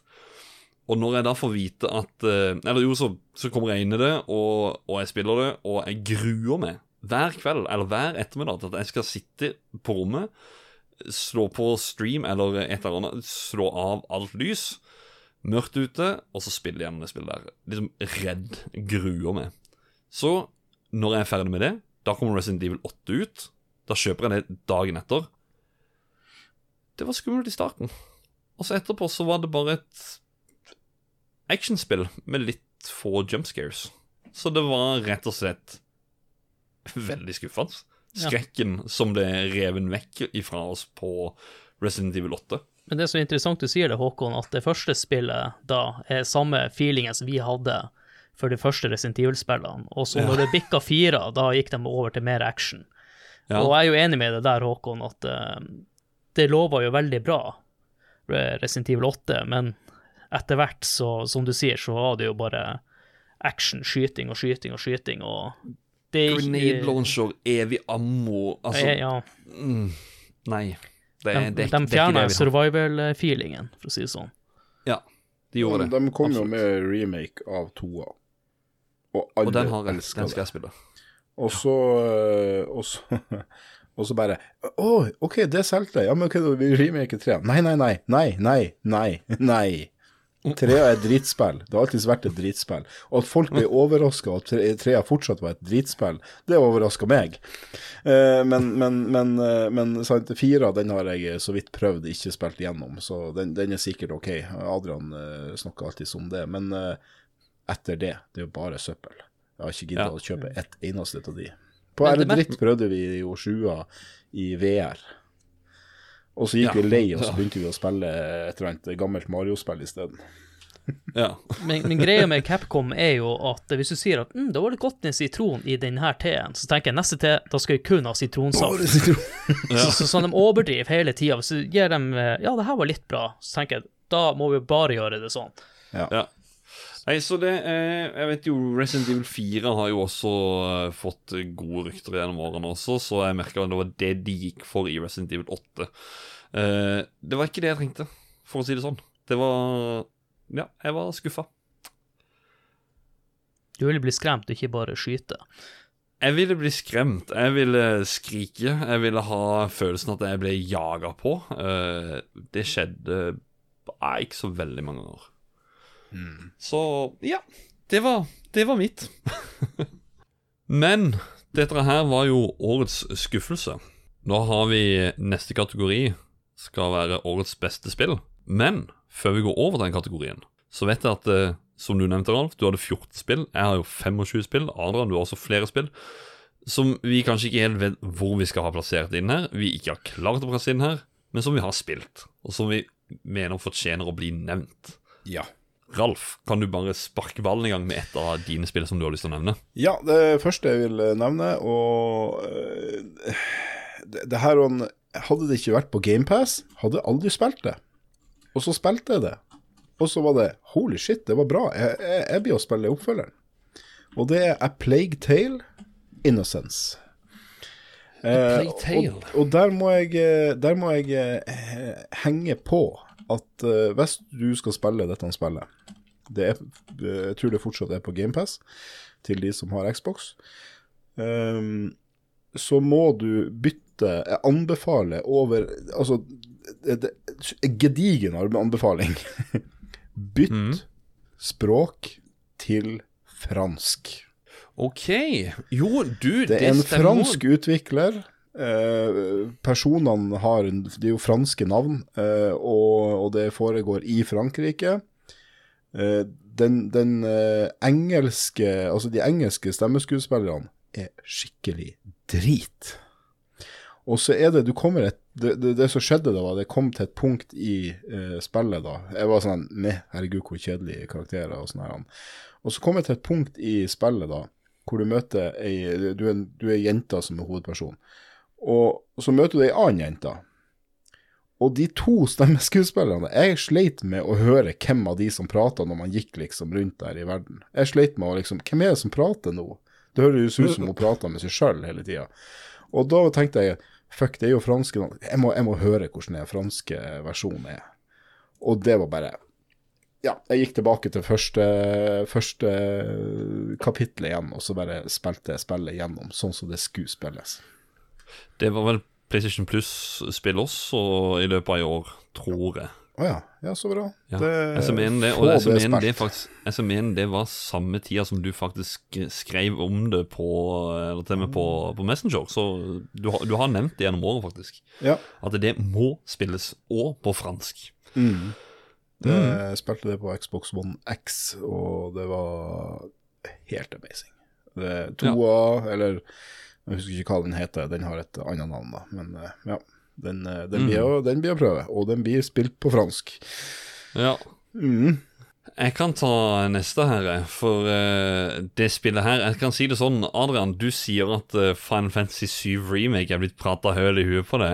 Jeg har prata Flåklypa Grand Prix så i høl i huet på meg sjøl. Ja, er den har jeg liksom- også fått stygger på uten å ha spilt spillet. Så du er flink til å få, Jeg har- med, eh, få stygger på spill. Ja.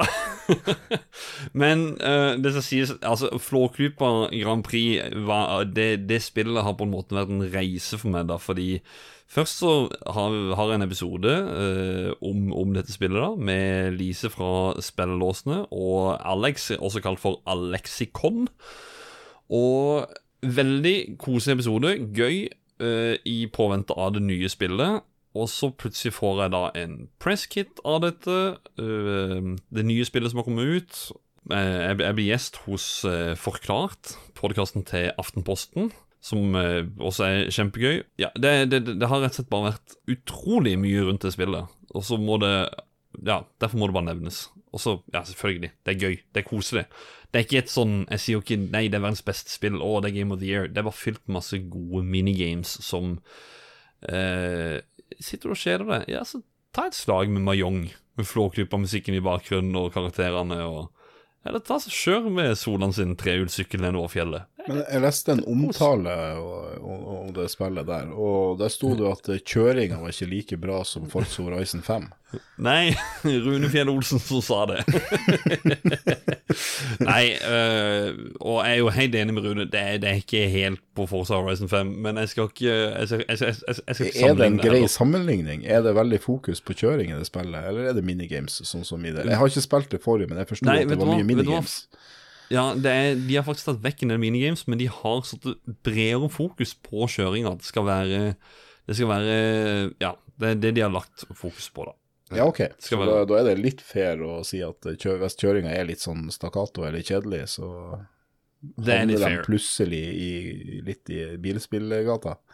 Ja, men jeg, skal, men jeg skal si at de er jo uten, uten å ta det som noe hån eller noe, men de er jo ikke på toppen som Forza Horizon og, og, og, og andre sånne kjente bilspill. men et spill som må nevnes, i hvert fall. Adrian, jeg, jeg føler jo at jeg har nevnt eh, veldig mange ut av spillene jeg har spilt det her året. Jeg kan jo avsløre at jeg vurderer å kjøpe det nyeste Mario Party for å ha noe å spille i heimen her, som jeg tror min bedre halvdel også kan kose seg litt med. Så mm, jeg vet ikke om det er bra eller ikke. Det, det er et sånt spill som er morsomt å spille i lag med flere, men spillet funker ikke alene. Og så vil jeg trekke frem et spill eh, eh, som jeg og eh, Ralf har eh, fått testa litt ut. Eller mest av Ralf, fordi det er vanskelig å kjøre på PC nå, og vanskelig å få tak i det. Det er jo Bionic Commando Rearm, i forbindelse med intervjuet med han, eh, han Wiklund, som var director for eh, Bionic Commando. Fantastisk Og- episode, forresten. Ja, jeg håper jo Eller, jeg skulle ønske at det var flere, og at folk får muligheten til å spille det spillet. Det er dødsartig alene, enda artigere på toplayer. Ja. Eller coop, som det så fint heter. får du det på GamePass eller noe i forhold til det Nei, med det, Xbox? det, nei. det er ikke blitt um, sånn bako- bakoverkompatibelt. Nå kom det jo uh, over 100 nye sånne 360-spill, men det er ikke et ut av de. Bionic Commando Riam 2 er derimot uh, på backwards compatibility, så du kan spille det på Xbox One og, og, og Series-konsollene. Men um, det er Steam du må du må gå til Ja. uh, for å få tak i det. Og det er litt janky å få det til å funke. Ja. Men du har fått det til å funke, så jeg sier at Ja da, det- you, det- are, the, det you are the guidance. You Ja are da, the ja da, det- guidance. Alle tar og sender til general, eh, general for PM på Discord. ja. det, det, er, det er absolutt mulig å få det til å kjøre. Det er litt janky. Som han eh, direktøren sjøl sa, så er det jo Ja, det er jo eh, Når vi snakker om holdbarhet, var det ikke det, så sa han at det er Ja. det når du liksom må inn og Jukse Og til. de har liksom driver med sånn backwards compatibility-greier i Windows og kjører som administrator og installerer noen sånne her utdaterte drivere som du finner på GitHub, liksom. Da Det er jo, det, det er jo gøy det at eh, ja, nei, jeg, nei, jeg skal ikke spoile den episoden, men akkurat, akkurat det øyeblikket du snakker om der, da, da lo jeg godt i episoden. Så folk må sjekke ut den episoden når vi Ja. altså snakker om spillet her. Det var litt vanskelig å ikke fangirle litt. Uh, på, Nei, Det, det er jo naturlig når du sitter med en director. ja, Altså, på et spill som man verdsetter så mye, da. Uh, Det, det ble litt sånn at man, vi følte Kanskje, jeg tror han Adrian òg kanskje følte at uh, Om han skjønte at vi faktisk elska det spillet. Ikke bare at vi sa det fordi at uh... Nei, vi, vi sa jo også i episoden, Ralf, at det, det her var jo det første spillet jeg og du spilte sammen. Og uh, det at du fikk til å få ham med i en episode, det var litt som en sånn en, Ja. ja. bare en drøm, men det ble faktisk virkelighet, og vi ble jo tatt litt på senga. At han faktisk har lyst til å være med. mm, Det er gøy. Jeg kan ta en uh, siste honorable mention. Som eh, Det her er et spill fra jeg så 2016, men det er jo som veldig mange spill eh, av et eh, visst virus som suser rundt i verden, så har eh, multiplayer-spill plutselig fått en stor attention. Og det plattform-teamwork-spillet som jeg snakker om her, er Pico Park. Vi har vært en gjeng inne på discorden til spill, og altså Når Fotpromp, også kjent som Ivar, heller bare sånn herre Vet dere hva? Jeg går heller ut og spiser grus istedenfor å spise, nei, spille sammen med dere. For det, er det, Dere er jo ubrukelige. Og, og du Jeg tror nok i den, den ene banen der Du tar den på ett minutt uten å spille spillet. Du tar den på ett minutt alene. Du lærer den i blinde på tre minutter.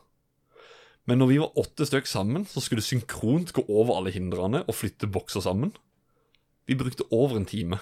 Ja, jeg måtte sett, reise eh, meg og gå vekk flere ganger. Altså, Jeg var så forbanna, men det var så gøy. har du ikke sett de, de, to gode naboene, og så ganger du dem med ja. Det er... Du skulle se den Håkon, han så ut som han Hitler i bunkeren etter hvert. Den sveisen, den hang jo og... ja, ja, faktisk. Det... Jeg reiv meg i håret, så det stakk rett opp i kryss og Ja. tvers og alt. Ja. Hvis du vil se han Håkon sint, så er det bare å joine oss en gang vi spiller det spillet. Da får du se en skikkelig eh, Hitler-parodi. Det var mye følelser i Discord-kanalen for et års tid siden òg, når vi drev med Among us. Ja, det er også. Men vet du hva, Pico Park, det overgår faktisk Ja. alt. Jeg må ta en annen eh, Jeg må quote eh, Ivar igjen og si det at eh, dere er en gjeng som bruker borrelås på skoa. det, var, det var hans sine sl slengord, eller Ja. Ja, når du først har nevnt det gudsforlatte spillet, Håkon, så har vi jo én spalte til. Mm. Men jeg har lyst til å nevne bare to kjapt, Oi, ja. uten å bruke lang tid på det. Jeg trodde vi skulle ta sånn én og én. Uh, er Humankind, for de som liker Civilization. Humankind. Uh, Amazables. Og så et spill som kom ut i fjor, uh, men som ikke kom på Xbox og PlayStation kanskje òg, jeg husker ikke, uh, for i år, og det var Hades. Mm. Det ble vel Game of the Year eller noe sånt i fjor, tror jeg. Eller i hvert fall nært. Det fikk mye eh, priser. Det var nominert da også. Det var jo, jeg sa jo det i, i episoden, at jeg kan skjønne. Eh, Det var jo fem, Ja, og det sa du til meg også. For det, jeg sa det at fem minutter inn i spillet så skjønte jeg hvorfor dette kunne få Game of, Game of the Year Award. Ja. Og jeg husker du sa det samme sjøl. Ja, og det, og det var liksom For vi snakka om det i Jeg tror vi snakka mye om det i fjor, så vi skal ikke snakke mye om det nå. Men eh, de har jo laga Bastion og uh, Transistor, eh, som er kremspill. Eh, så jeg måtte jo selvfølgelig prøve det. Og det kom jo på GamePass, selvfølgelig, så det var bare å installere og Mm. trykke play. Og jeg brukte mange timer. Hvordan noen klarer å runde det spillet. Jeg har sett på YouTube, og noen klarer å runde spillet fra blank saving og bare klarer å runde det uten noe boosts, ingenting, bare går igjennom. Du må ha litt flaks selvfølgelig òg, men jeg spilte jo timevis har jeg spilt det her spillet her, og bantes lite grann, men storkosa meg for det meste. Honorable mention der. Ja. Og jeg har også honorable mention. Ja, fyr løs. GamePass. Gamepass, ja. Og da, ja. Håkon, vi har jo den store kategorien som vi alle lytterne venter på. Hei, hei, dette er Rune Fjell Olsen fra Level Up. Det er på tide med den siste kategorien, nemlig Årets beste spill. Men før de andre får lov til å si sitt, så vil jeg peke fram mitt spill i denne kategorien. Og mitt soleklare Game of the Year 2021 er naturligvis Returnal. Det er ikke bare årets beste spill, men et av de beste spillene jeg har spilt noen gang. Jeg elsker settingen. Jeg elsker den Twitch-baserte bullet hell-slåssingen. Jeg elsker Metroidvania-designet. Jeg elsker at det er så hardcore vanskelig, og jeg elsker, hører du Nick, også den ugjennomtrengelige historien. Jeg vil også nevne at jeg har fått platinum i dette spillet, og at jeg har runda hele dritten på seks timer uten å dø en eneste gang. Så får jeg flekset litt på den også. Holy shit. Eh, ja, og jeg hører at du elsker at du el Jeg elsker at du elsker det spillet med og at du elsker så mye med det spillet, Rune. Tusen takk for jeg den elsker at du er så engasjert. Ja, Ja. det er nydelig. Og jeg elsker at jeg dømte nord og ned i februar, det spillet her. Og Jeg dømte det nord og ned bare for en liten tid tilbake. Ja. Jeg bare scrolla gjennom eh, sjappa der og bare ja, det her, ja, det ser drit ut. Neste Det er liksom, det er liksom som Lars Rikard Olsen kommer her og introduserer liksom årets overraskelse og bare sier at det er årets overraskelse, men også Game of the Year, så Ja. det ligger liksom helt på topp. Og så snakker vi om det som at det, det går liksom litt ned. Jeg er jo positiv til det, så jeg føler på at jeg holder det litt oppe, og så, men det går jo fortsatt litt ned. Og så kommer Rune her og bare Nei, jeg setter deg helt på toppen igjen. Opp igjen hvor det hører til. det kan jo hende at jeg vi skal har kjøpe det når det glipp kommer på av salg til eh, 700 kroner. Ja. Som sagt, det kan jo hende at vi har jo gått glipp av årets spill, som egentlig alle bør spille, men Nei, jeg er jo litt sta, og som Harald sier, jeg vil vente til det kommer på tilbud, for uh, sånn rogelike spill, det er ikke helt med. Nei, jeg har Men jeg skal teste spillet. det ut nå. Ja, jeg har spillet. Jeg fikk det av, av en lytter, og jeg har eh, gitt det flere forsøk, men jeg merker at dette her, her er et uh, Rogalight-spill ikke i samme kategori som f.eks. Hades eller uh, si Binding of Isaac, hvor du kan ta en halvtime her eller en time der. Ja, har du det på disk? Nei, jeg har det på, faktisk på installert på konsollen. Ja, det var dritt. Det var eneste gangen jeg tenkte jeg skulle være enig med deg at det var fint å ha på disk, for jeg tenkte kunne du sendt det til meg, så kunne jeg sendt det til Ralf, og så kunne du få det tilbake. Så Ja, på rundgang. god gammeldags byttelåning, ikke det han sier? Jo, som de gjorde, og som vi har snakket om på Spillbutikk-episoden. Sjekk ut den, episode 50. Uh, men ja, altså, jeg, jeg skjønner at det spillet her er på topp hos folk, fordi at uh, det jeg har spilt Altså, Men du har jo faktisk spilt det, det det. er jo litt skammelig, Ja. da. Du, Nei, og, og, og jeg digger det, og jeg skal absolutt sette det inn som honorable mention, men jeg kan ikke gi det noe særlig mer enn det bare fordi jeg har spilt det inn to timer, tror jeg, maks. Og det er gjerne mens jeg har sittet på Discord sammen med mange andre, så det er ikke sånn, jeg har ikke satt meg ordentlig ned med altså bare med å spille og, og gå full fokus inn i det. Så eh, Men eh, ja. Jeg, jeg skjønner at det er på toppen hos folk. Det gjør jeg. Men jeg tenker vi kan begynne i en uh, kant her. Eh, på, oppe i uh, høyrehjørnet på min skjerm er det en nordlending. Eh, og han heter Ralf. Ja, ja, hva er ditt Game of the Year? Årets beste spill? han Adrian sitter jo der og eh, tenker at han vet nøyaktig hvilket spill jeg kommer til å si nå. Men jeg må dessverre si at det er feil. det er det ikke Final Fantasy 7 Intermission, det er ikke det. Eh, og nå vil jeg komme med min, eh, min honorable mention på eh, årets karakter. som da heter, igjen da, Kvinnenes år. Robin Ayu heter hun. Og okay. hun er hovedkarakteren i Subnautica Below Zero. Det er Og årets spill! det er mitt årets spill. Jeg har oh. Platinum Trophy på det på PlayStation 5. Jeg har, eh, den, jeg har alle achievements på Xbox. Jeg har gjort alt som du kan gjøre på det på PC. Og jeg kommer til å spille det på nytt og på nytt, og eh, ja. Jeg har runda det på hardcore. Du får ingenting for å runde det på hardcore. Eh, men ja, det er årets spill.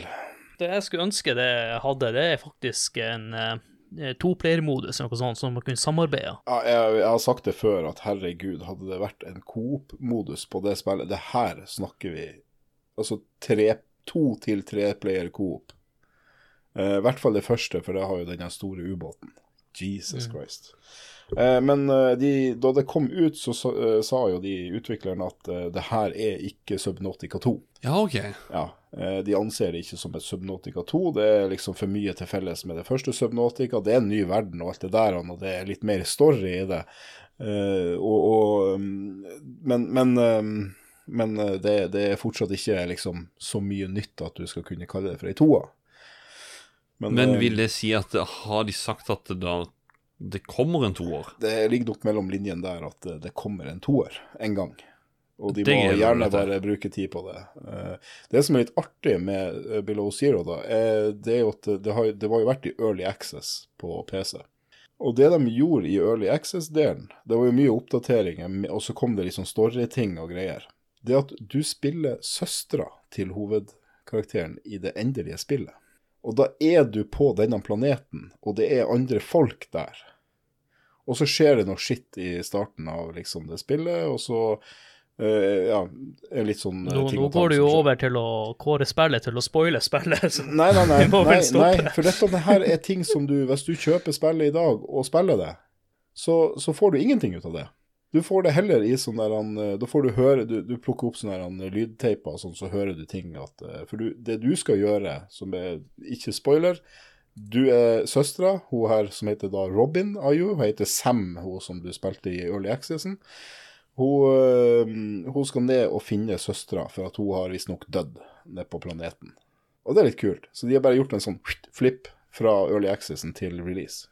Det er nice. Mm. Det er, det er jo Altså, hvis du sier at dette her er årets beste spill for deg, så Det er helt amazing. Ja, men da føler jeg Da må jeg teste det. Altså, selv om jeg har spilt uh, Subnautica til døde, det første, uh, så klarte jeg likevel å å bare nyte uh, Below Zero. Mm. Så um, nei, det, det må spille. Og jeg vil anbefale for de som da ikke er helt vant til sjangeren, uh, med bygging og overleving, så, så kan det være greit å begynne med Below Zero. Fordi at det holder litt mer i hendene. Det er ikke så eh, Det er ikke så livsfarlig rundt hvert dette eneste hjørne. Mm. Så, så det er litt grann sånn mykere, og så blir du litt, ja, du blir litt holdt i handa, så det er litt lettere å få progresjon i spillet. Uh, det første spillet, det er veldig sånn uh, Du har styrta på en planet. Figure it out. Ja. Og så får, Jo, du men- noen, eh, så får du noen hint innimellom, men på et punkt så er det slutt på hintene, og da må du bare Da må du bare strap in og, og bare dykke dypt. Ja, Veldig for jeg holdt, jeg holdt på å si det, det, det du sa der, følte jeg nesten var en sånn god Segway til meg. At du bare Du bare lander der, og så må du bare finne ut av på en måte. Samtidig, det er jo ikke, det er jo helt det. Men eh, så er det jo egentlig ikke jeg som skal si eh, neste, det er jo egentlig Adrian. Så eh, Adrian, vil du Ja. fortelle hva ditt årets beste spill er? Han Rune Fjell Olsen var inne på noe, og jeg er ikke så særlig glad i det navnet, fordi at det ene spillet kom ti år før det andre spillet. Han nevnte Metroidvania, så vil jeg eh, ta ut uh, Vania. Jeg vil kalle det for Metroid-sjangeren, og Metroid uh, Judge Dredd, som jeg kaller det for, eh, blir mitt årets spill. Uh, når jeg begynte å spille det, så ja, det her er Er det bra, liksom? ja, jeg syns det er bra. Men jeg har en litt kritikk til det. Jeg snakka jo med deg, Håkon, at uh, det er jo en del roboter i spillet her som han er nødt til å rømme fra. Og det var utrolig stressende uh, i perioder, for det- var ma mange store områder med de robotene som de covra. Og Mm. det ble mye løping frem og tilbake, men når du begynner å bli vant til det, og at du progresserer med eh, ho Samus, da, så funker det bra. Men kanskje hadde det litt mer rolig område, og ikke bare den eh, ja, stressfaktoren så ofte. Ja. Skal jeg bare skyte inn hva som er mitt? Ja, ja. nå? ja. Fordi at det er jo selvfølgelig Metroid Dread. det er det her også. Det er det. Ja, jeg husker å Eh, få den Final Fantasy Final Fantasy 7 Intergrade var helt fantastisk. Jeg kan sette det inn som en honorable mention. Det er liksom, Som jeg sier, da, det er jo det at det er en DLC, men også som Det, det er et såpass langt og innholdsrikt DLC at det er liksom, du kan kategorisere det som et eget spill. Så Men, men eh, Håkon, hvis du skulle hatt kåra det spillet du snakka mest om til meg, så vært Flåklypa. Så hadde det vært Flåklypa hvis det hadde vært det jeg har prata mest om. Ja. Men um, det er rett og slett det som gjør Metroid Dread mitt Game of the Year, er den totale spillopplevelsen jeg har av Metroid-serien. Hvis dere husker i fjor, så var årets retrospill Det var Super uh, holdt på å si Super, Super Castlevania. Super Metroid. Super Metroid var mitt årets retrospill i fjor, og det at uh, Metroid Dread ble annonsert imens vi satt og venta på Breath of the Wild 2-trailer og mer info om det, så var det sånn Ja, Dread, gå vekk. Kult. Metroid, fett.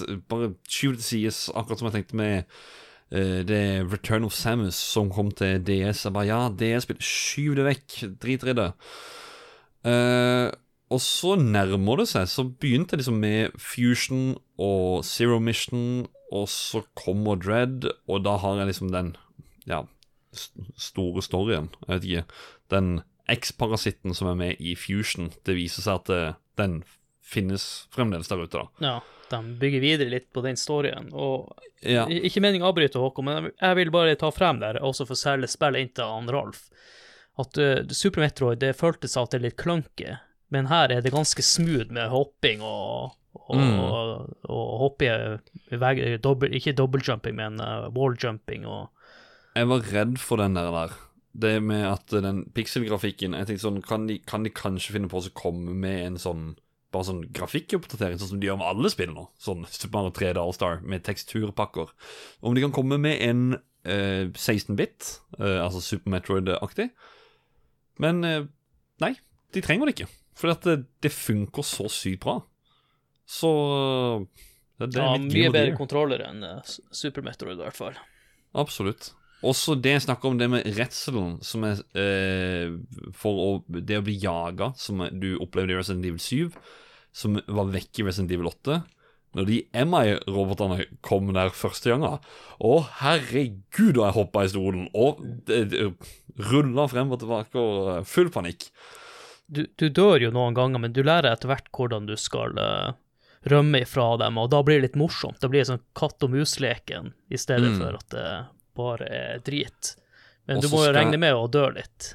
Og så skal jeg gi et ørlite tips, bare til dere som skal spille det som ikke har spilt det.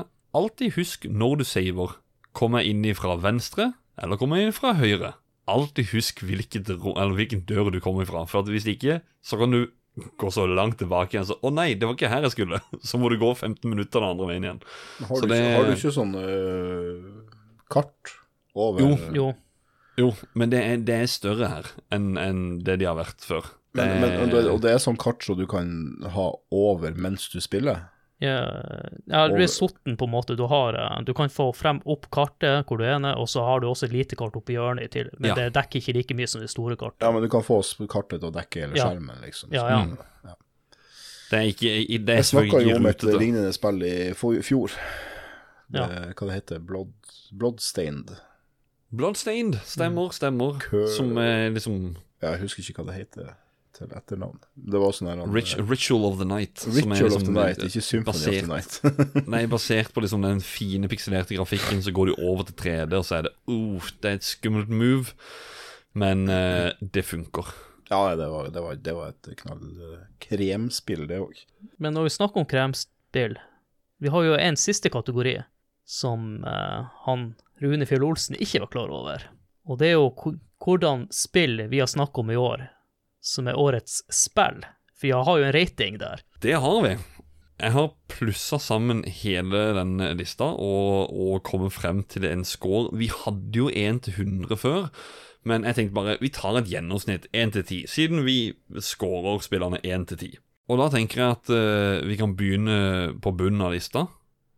Og si eh, aller først Castlevania-spillerne. De er ikke med her. For det var tre spill som vi kategoriserte på grunn, og de var med i en sånn triologiepisode. Eh, Castlevania Bonanza.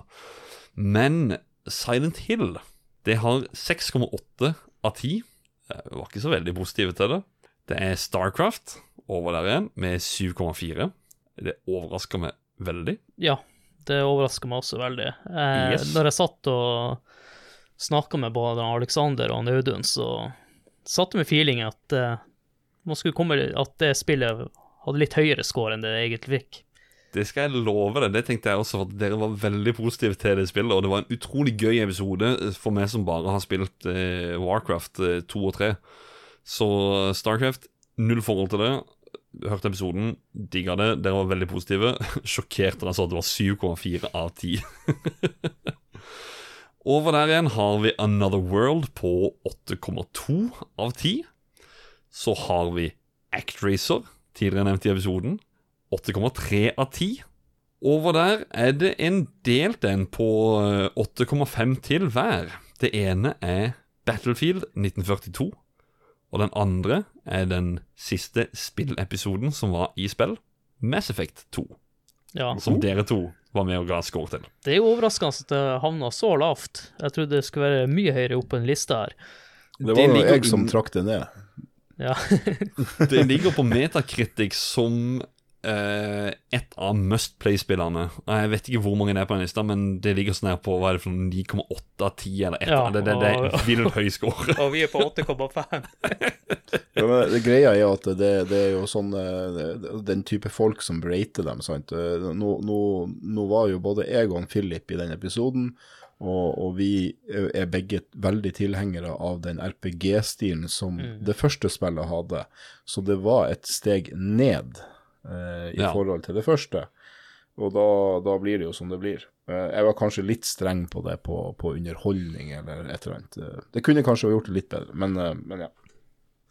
Men så kommer det gøye med den lista her, for det er sånn derre Altså, når vi Når vi fordeler opp de, de poengsummene sånn som vi gjør, så får du veldig rare scores. Fordi at det er 0,1 poeng over, altså 8,6, der ligger Chippendale Rescue Rangers. Til Nes over Mass Effect 2. Det, det, det er så sykt. Ja, Og eh, hvis jeg bare ser på karakteren og og gitt en karakter, så ville jeg kanskje gitt det en åtter, da. Ja. Jeg ville, jeg ville sånn, Selv om jeg ikke har spilt mye Mass Effect 2, så skjønner jeg at Mass Effect 2 er et bedre spill på veldig mange måter. Ja. Og fortjener mer enn Chippendale, men, Men sånn eh, vi hvis, vi skulle satt, eh, hvis jeg bare skulle satt en totalscore på spillet, uten å, å gi karakter på de forskjellige kategoriene, så ville jo jeg ha sagt at Chip Dale hadde havna under Mass Effect 2. Men det er jo det Mm. som er artig å holde på med det andre old school score-systemet. Er er at vi får, får opp noen overraskende resultat over et år. Ja, veldig. I fjor var Ducktales langt over Oblivion, liksom. Det var sånn, oh, ok, ja, ja. Men uh, over Chippendale, der er episoden eh, dere hadde sammen med The Video Game Director, Bionic Commando Rearmed. Den har en 9,0 av 10. Oh. Og vet du hva? Jeg kunne jo sagt at det er to stykk som faktisk har 9 blank. Det er Bionic Commando Rearmed og Super Mario Bros 3. Hei! Å, å, nei, nei, nei, det var en pff. Ja, det, er jo, jo det panelet her, det gir jo helt latterlige karakterer til gamle Super Mario-spill. Men så kommer den som setter meg helt ut når jeg lagde denne lista her. Fordi dette blir jo da egentlig en delt tredjeplass på denne lista. Det er de eh, Det er sjette, femte og fjerde spill igjen, med 9,1 i score. Det er Metal Gear Solid 1. Det er Metal Gear Solid 2. Det er Flåklypa Grand Prix fra 2000. Nei! Å, herregud! Hvordan er det mulig? Flåklypa Grand Prix leder med 0,1 poeng over Super Mario Bros 3, som er et av tidenes beste plattformspill. Som... Og tangere Metal Gear og ja. Metal Gear Solid og Metal Gear Solid 2.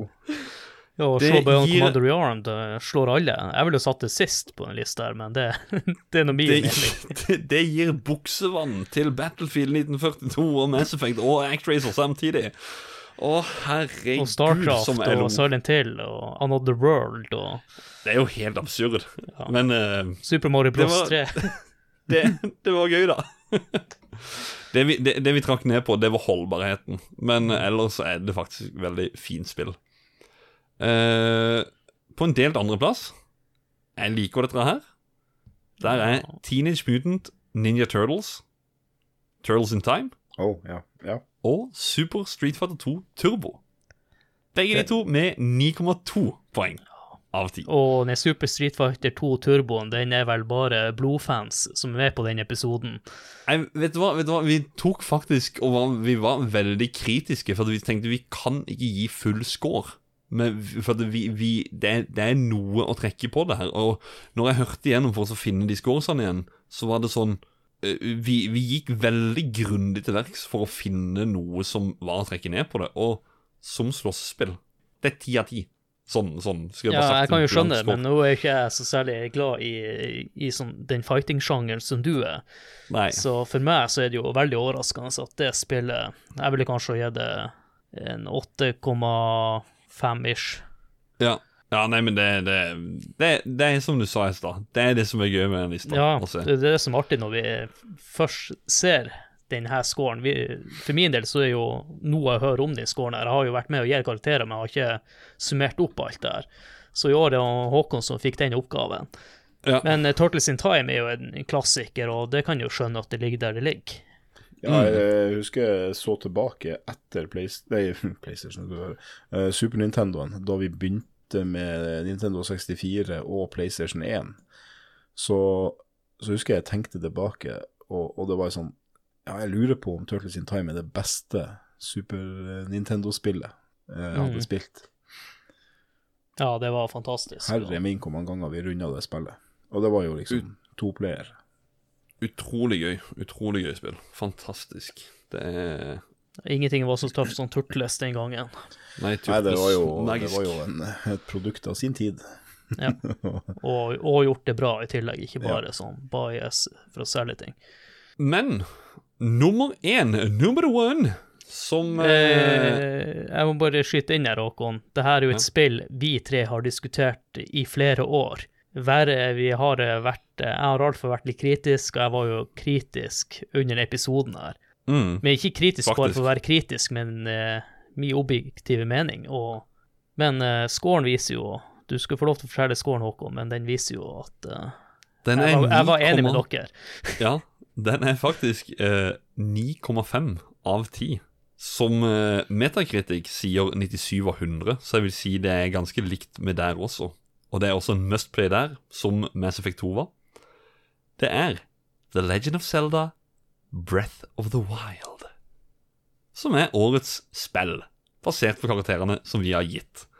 Ralf, er du glad i det spillet? Uh, ja. Absolutt. Ja! Du, nei, vi var kritiske til det veldig tidlig. Ja. Nei, du har blitt glad i det. Jeg var litt glad i det, og jeg, var, og jeg hata det litt. Uh, jeg spilte det jo på, på Wii U.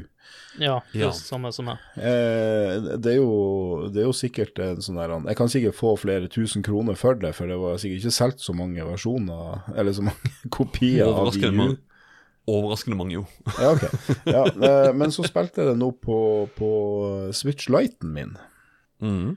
Og eh, da ble jo alle de der uh, bugsene, trege lastetider, uh, sånn crappy framerate og sånne ting. Det, altså, VU-en er jo nede i hva det er, 12 frames til tider i Ja, det er helt grusomt. Ja, mens uh, Switchen, i hvert fall etter, etter en oppdatering, så jeg tror det er ganske så ren 30 FPS hele veien. da. Så um, det, det gjorde jo at kontrollen føltes mye bedre, eh, for du, sant, frames per sekund er også lik input-lag, så det fiksa den der det jeg ikke likte der. Og så var det litt mer sånn, jeg, jeg tok spillet for det det er, og det er liksom at det, du går rundt og Du suller rundt og gjør quests og, og eh, ikke tenker så mye på den historien. Og jeg kosa meg ganske mye, og gjorde Ja. mye ut av eh, Jeg klarte ikke å, å det der han eh, Hva det heter det der han eh, Master Sword eh, Challenge. Ja. Ja. Eh, så, så fikk jeg besøk av eh, nevøene mine, og han ene har jo spilt eh, Zelda til døde. Og eh, Så jeg bare ga han eh, switchen min, og, og så bare Fiks det her. så runda han det. jeg hadde ikke tålmodighet. da. Ja, jeg tror også utfordringen til meg og Ralf var da at uh, vi sammenligna for mye med andre Zelda-spill som vi holdt kjær, og det her Zelda Ja, er jo et annen noe type. Zelda. Ja.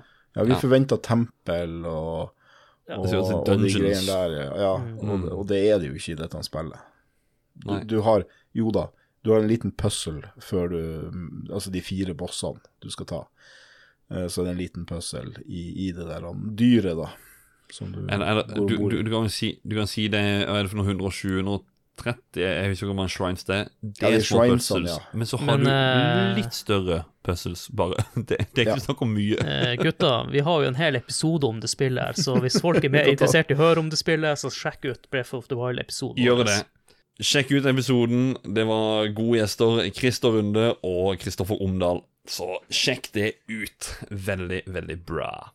Men uh, Ja jeg, Oi! Hei, hei, hei, hei. hei. Oi, I, Ivar? Eh, hei. Hei. Ja, altså, dere kan ikke runde av Game of the Year-episoder uten å høre hva lytterne har å si, altså. Ja, Nei, det var ikke det som var Altså, vi, vi har jo skrevet inn på Discord og, og på Facebook. eh, Ja, men det hørtes veldig ut som dere skulle runde av nå. Og som Og- hovedverneombud i spill, så setter jeg ned beinet. Og det er for å opprettholde den gode stemninga med lytterne. For Oi, de har også noe på hjertet som vi vil komme med under Game of the Year. i, ja.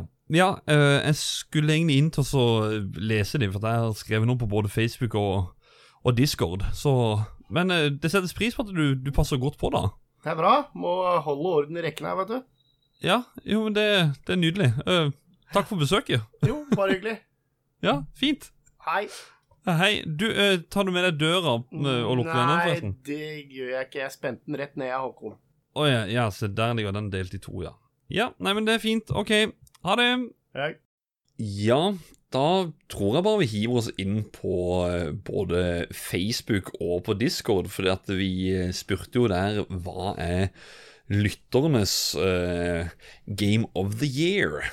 I Commodore 64-episoden så ble jeg tørr i kjeften av å lese opp så utrolig mange, så jeg tror rett og slett vi tar og deler det litt opp her. Leser litt hvert. Uh, Jeg tenker vi begynner inne på discorden. Der er det Daskepeder. Han skriver årets enkleste spørsmål. It Takes Two. Coop-spill er så gøy, og It Takes Two er perfekt balansert på nesten alt.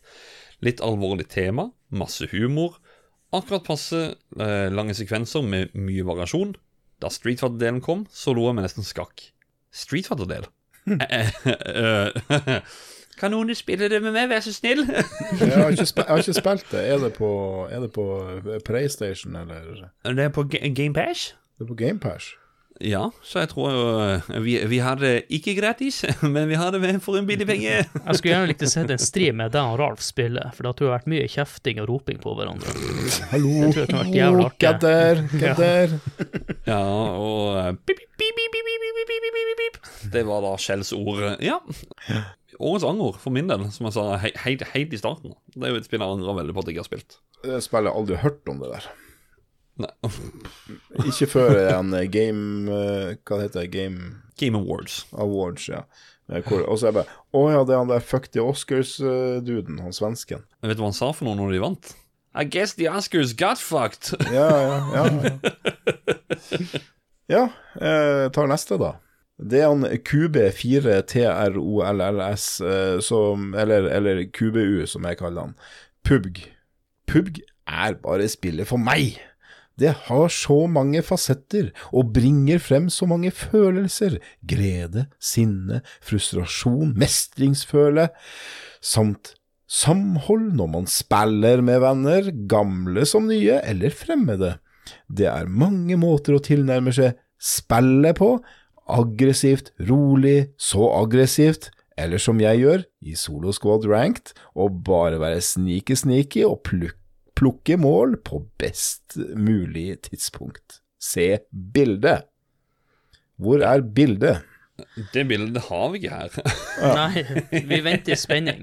Han, jeg, jeg kan tenke meg at han er på, på, på, på toppen av et fjell, krypende med en Kar 98. For at dere har jo spilt en del eh, PubG sammen, dere to. Sammen med flere, vet jeg. Ja. ja. Det kommer nok noen navn eh, etter hvert her på lista som eh, spiller Som spiller dette med oss mm. ja, til tider hver kveld. Ja. Jeg har jo sagt i mange år at PUBG er et spill jeg hadde likt, men jeg har ikke god nok PC. Og uh, all CS-gaminga i 2005 tok litt knekken på FPS-sjangeren for min del. Men hvis jeg får meg en bedre PC, så skal jeg teste ut PUBG, for det er mer enn bare å ha mest mulig kills. Ja, ja det, er ikke, det er ikke bare Det er ikke CS, du kan ikke sammenligne det. Nei. Så det er derfor det er også så spiller det, at det er litt mer taktiske momenter og, og lagspill, ikke bare Mm. den uh, svetteskytinga. Jeg blir bare svett under armene bare å nevne CS. Ja. Neste her er jo han Mr. Mame himself. Mr. Mamen! Ja, jeg skal ikke ta det på bokmål. Eh, han sier at det her må jo være Psychonauts 2. Med 16 år fra forrige spill må det ha vært en nesten rekord. Til og med med mer enn Duke Nukem Forever. Men til motsetning eh, til Duke Nukem Forever klarer det faktisk å levere et herlig spill. Og det er egentlig akkurat det man forventer. Mer av det som fungerer så godt. Herlig gameplay, utrolig fant eh, fantasirik brett og kule egenskaper. Og dere hører jo nå at det, det er en grunn til at Håkon leser opp de her spørsmålene, for jeg klarer ikke å leve meg så mye inn i tekstene som Håkon klarer. Så jeg høres ut som en dårlig eh, Google Translate-opplegg her når jeg skal lese. Tunga mi går helt i vranga til slutt hvis jeg leser opp altfor mange. Så jeg setter bare veldig pris på at vi deler dette her oppe. Men, men det har jo ikke vært i utvikling i 16 år, da. Nei. Nei. Nei, men det har, det har vært berykta fire-fem, er det ikke? Ja, jeg tror det har vært eh, beryktet lenge, men det er et ganske Ja. lite team. Det er jo han eh, Herregud, nå datt jo det navnet Ja. ut. Glem Det-. Men ja. eh, ja. Yes. En, I know, I know. En, en av industri... Tim Shafer. Tim Selvfølgelig. for helvete. Selvfølgelig. Vi tenkte jo på Tim Shafer. Jesus Christ, mann. Ja. Kuk og dårlig. Men ja, Psychonauts 2, det, det var eh, Vet du hva? Eh, Funny story til det. Det er et av de spillene som faktisk fikk meg til å trigge til å, å kjøpe nye PC-leder. Eh, som, som du, Ralf, var grei og, og hjalp meg med å, å si Håkon, du kjøper dette for eh, ja, 6000. Jeg kjøpte et par ekstra ting, så det kom på 7000. Istedenfor at jeg gikk og kjøpte en PC til 13 14 15 000 og hadde betalt mye ekstra for ting jeg ikke har bruk for. Nei. Fordi Psychonauts 2 hadde lyst til, å, lyst til å spille, men den gamle harddisken min og noe RAM og shit funka ikke, så jeg fikk ikke oppdatert Windows. Og da ville ikke Xbox GamePass fungere på PC-en. Jeg fikk ikke oppdatert det. Så da fikk jeg ikke spilt Psychonauts 2. Så nå kommer kanskje muligheten, da, etter at jeg oppgraderte de delene. Ja. Og dere får høre om det er neste års kvote. Ja, det, det skal det. Vi hopper videre til eh, Alti Magnus. Han støtter, støtter meg til KB4 Trolls her. PubG vinner denne rett og slett fordi det bringer folk sammen. Har fått mange nye bekjentskaper, og i det siste har jeg til og med fått spille sammen med Ralf igjen. Det alene fortjener en premie, om ikke Goti. Runner-up var Among us under julebordet til spill. Det var ganske festlig. Det julebordet, det var nå helga som var, som vi spilte inn i episoden, altså tre dager siden. Veldig koselig. Should have been there. Vær med i 2022. Men Ralf, han syns det er gøy å spille sammen med deg igjen. Ja, jo, det var, det var jo eh, jeg, jeg, jeg tok jo også og spilte det på, eh, på en sånn eh, Det var en sånn liten mini-PC jeg hadde.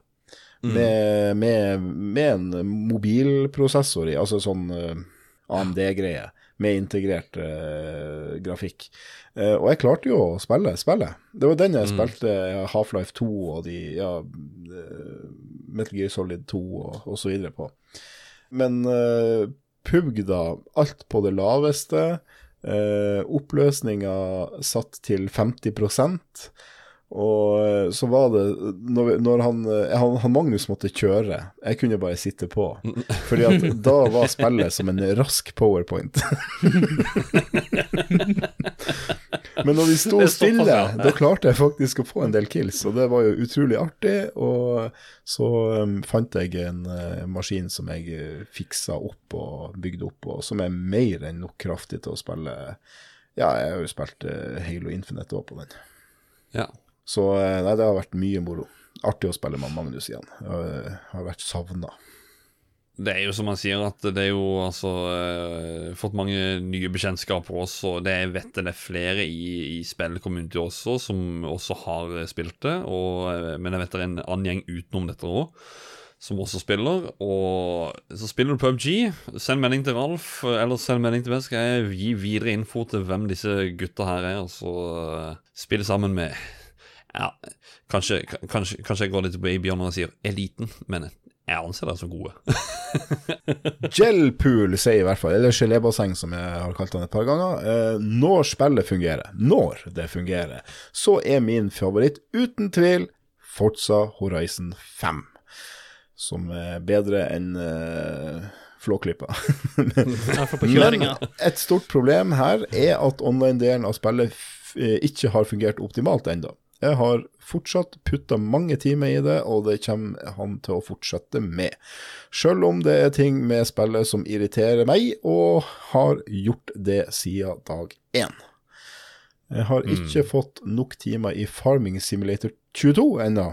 Uh, til, til å kunne uttale seg om det, men uh, det, det, det, det eh, Uttale meg om det er verdig å være med på ei sånn liste. Men eh, det kom noe i 2021, og har mye nytt etterlengta, så blir nok brukt en god ti, del time på etter hvert. Ja. Mm. Farm Simulator. Det fins e-sport i det, så det by all means, det Det, det sier jo sitt om, eh, om Battlefield og, eh, og Call of Duty, og når, når det er flere folk som spiller eh, både PUBG og Farming Simulator. Jepp. Og min fetter i Danmark har Farming Simulator eh, 18, tror jeg det er 17 eller 18. Han hadde over 3000 timer i det. Jeg bare Hva gjør du? Da kan du heller bare få deg gårdsjobb. Ja, du kjører traktor. OK! Du har jo Euro Truck Simulator òg, som er veldig populært. Hvorfor ikke bare ordne seg sidejobb, da?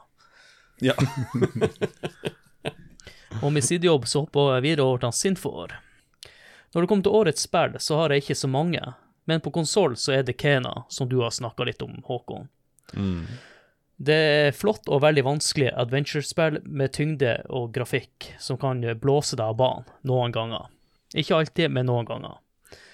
Som nevnt over så får PUBG eh, folk til å samles fremdeles, og er garantert eh, det spillet han har brukt mest tid på i år. Så kan jeg også nevne at han har runda Final Fantasy 7 Remake for første gang i år. Og han setter opp imot Kena, da, så de ligger likt. Mm. Jeg har spilt eh, mye PubG med han Trond. Trond. Hadde du spilt litt mindre pubg, så hadde du kanskje fått spilt igjennom Final Fantasy 7 Remake i fjor, du, Trond. Det, ja.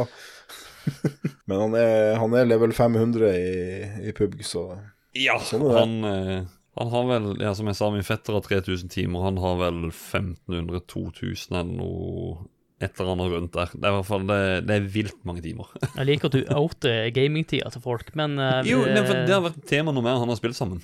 ja. Men neste ut, Håkon, det er jo vårt hovedverneombud som sparker sund døra di. Yes, Ivar. Den døra her, den kan du komme og fikse. Eller lime den sammen eller noe. Du eh, fantastiske golden boy. Our beloved golden boy. Fotpromp, du sier eh, Mitt Game of the Year er også det spillet jeg har blitt mest skuffa og irritert over. Et fantastisk spill som burde vært holdt igjen noen uker istedenfor å slippe det når de gjorde. Jeg snakker selvfølgelig om Forza Horizon 5.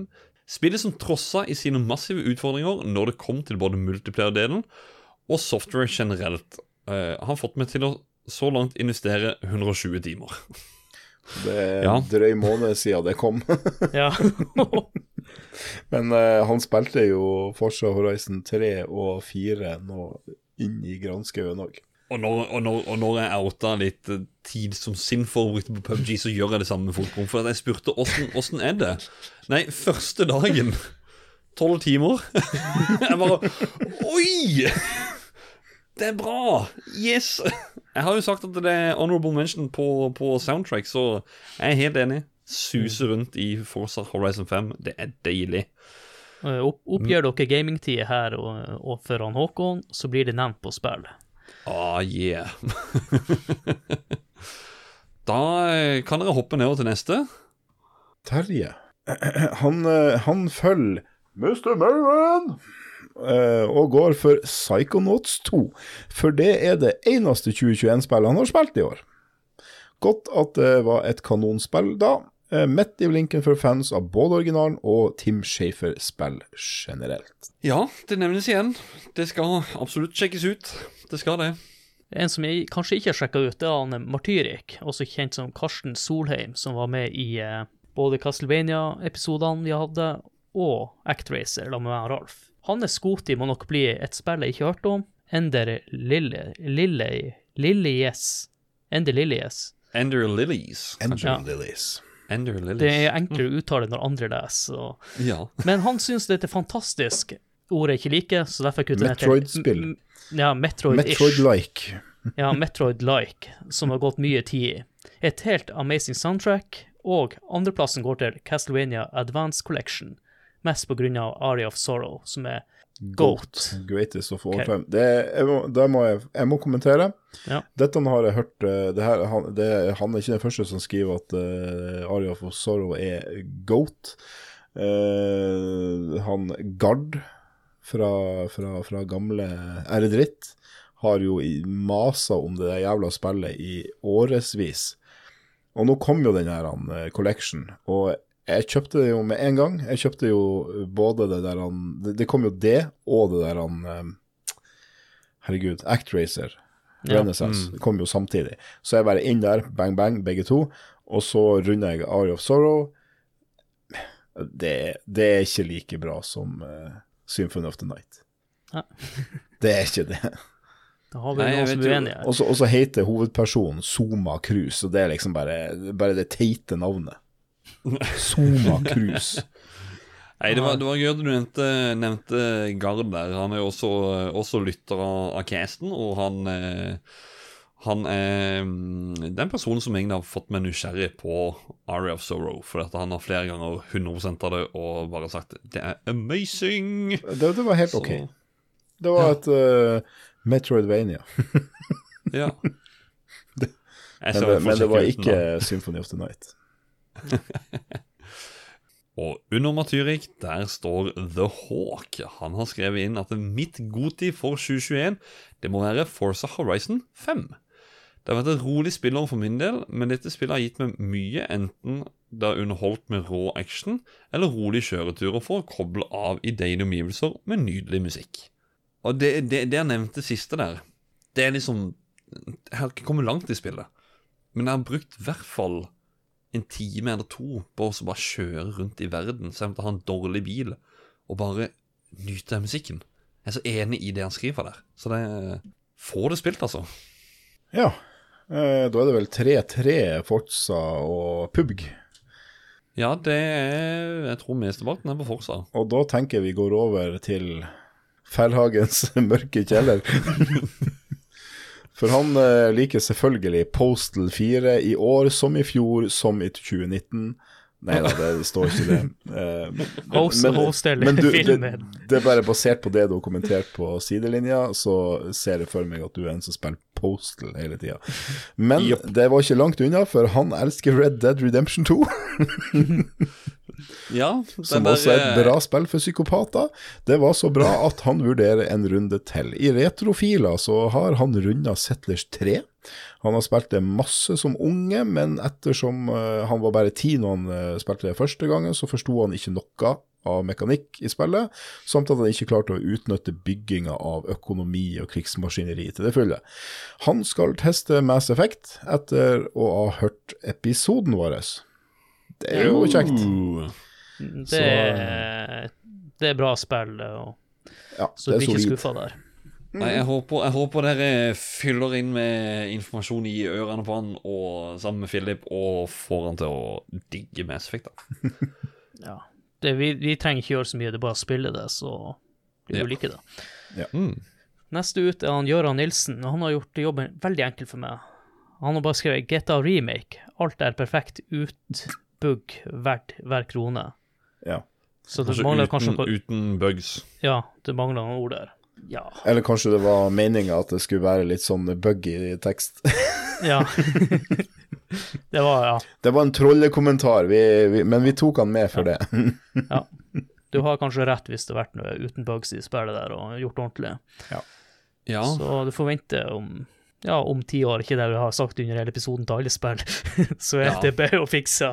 Men det, det, det er jo bare så rart at de klarer å tulle det til sånn som de gjorde det. det ja, vi var, vi var inne på det i stad, skal ikke gå inn på det igjen, men ja, det er, veld, det er veldig rart. Det, det er sånn når du får inn en haug med, med blårøs som sitter på toppen og skal ut ting for at eh, de må, må ha de rette tallene til neste kvartal. Mm. Derfor blir det sånn. Det er teit, det er teit. Men eh, godt å høre noen nevner det. Men så kommer Stian Mæland her og skriver har prøvd en del forskjellige spill i år, men har kun fullført ett av dem.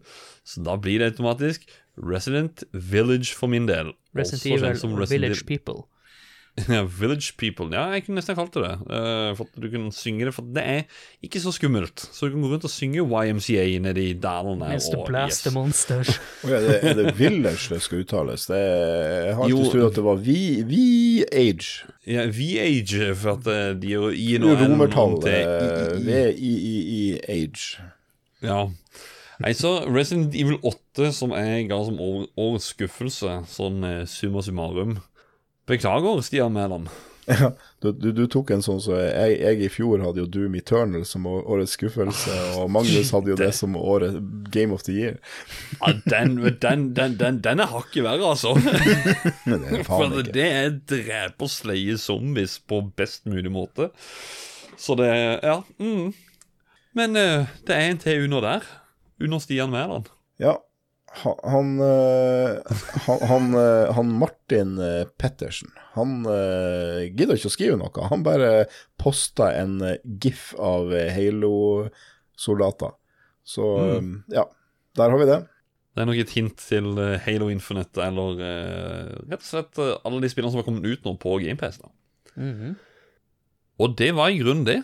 Det var årets lytterbidrag. Og vi setter så utrolig pris på hvert eneste lytterbidrag som kommer inn til alle episodene vi har lagd gjennom året.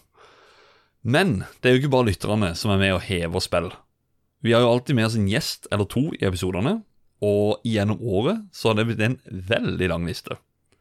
Så vi vil gjerne rekke en stor takk til Han Jan Dyrlund, Karl Thomas Aarum, Dag Jørgen Finsku, Stian Mæland, Ørjan Drottingsvik, Philip Maurizio Fløgstad, Christer Runde, Kristoffer Robin Omdal, Trond Sinfor Borgersen, Simon Wiklund, Otto Erlend Gregersen, Harry Haugen, også kjent som Pappa Harry, Ivar Goldenboy Lobben, Bjørn Magnus Midthaug, Lars Rikard Olsen, Terje Høybakk, Karsten Solheim, Andreas Bernhardsen, Jan Olav Hegvik, Audun Rodem, Alexander Hakestad, Alex Gisvold, Lise Eriksen, Jon Cato Lorentzen, Kjell Gunnar Høen, Christian Skjessem Ketil Espenes. og personen som er med i dagens episode, Ralf William Nummelin.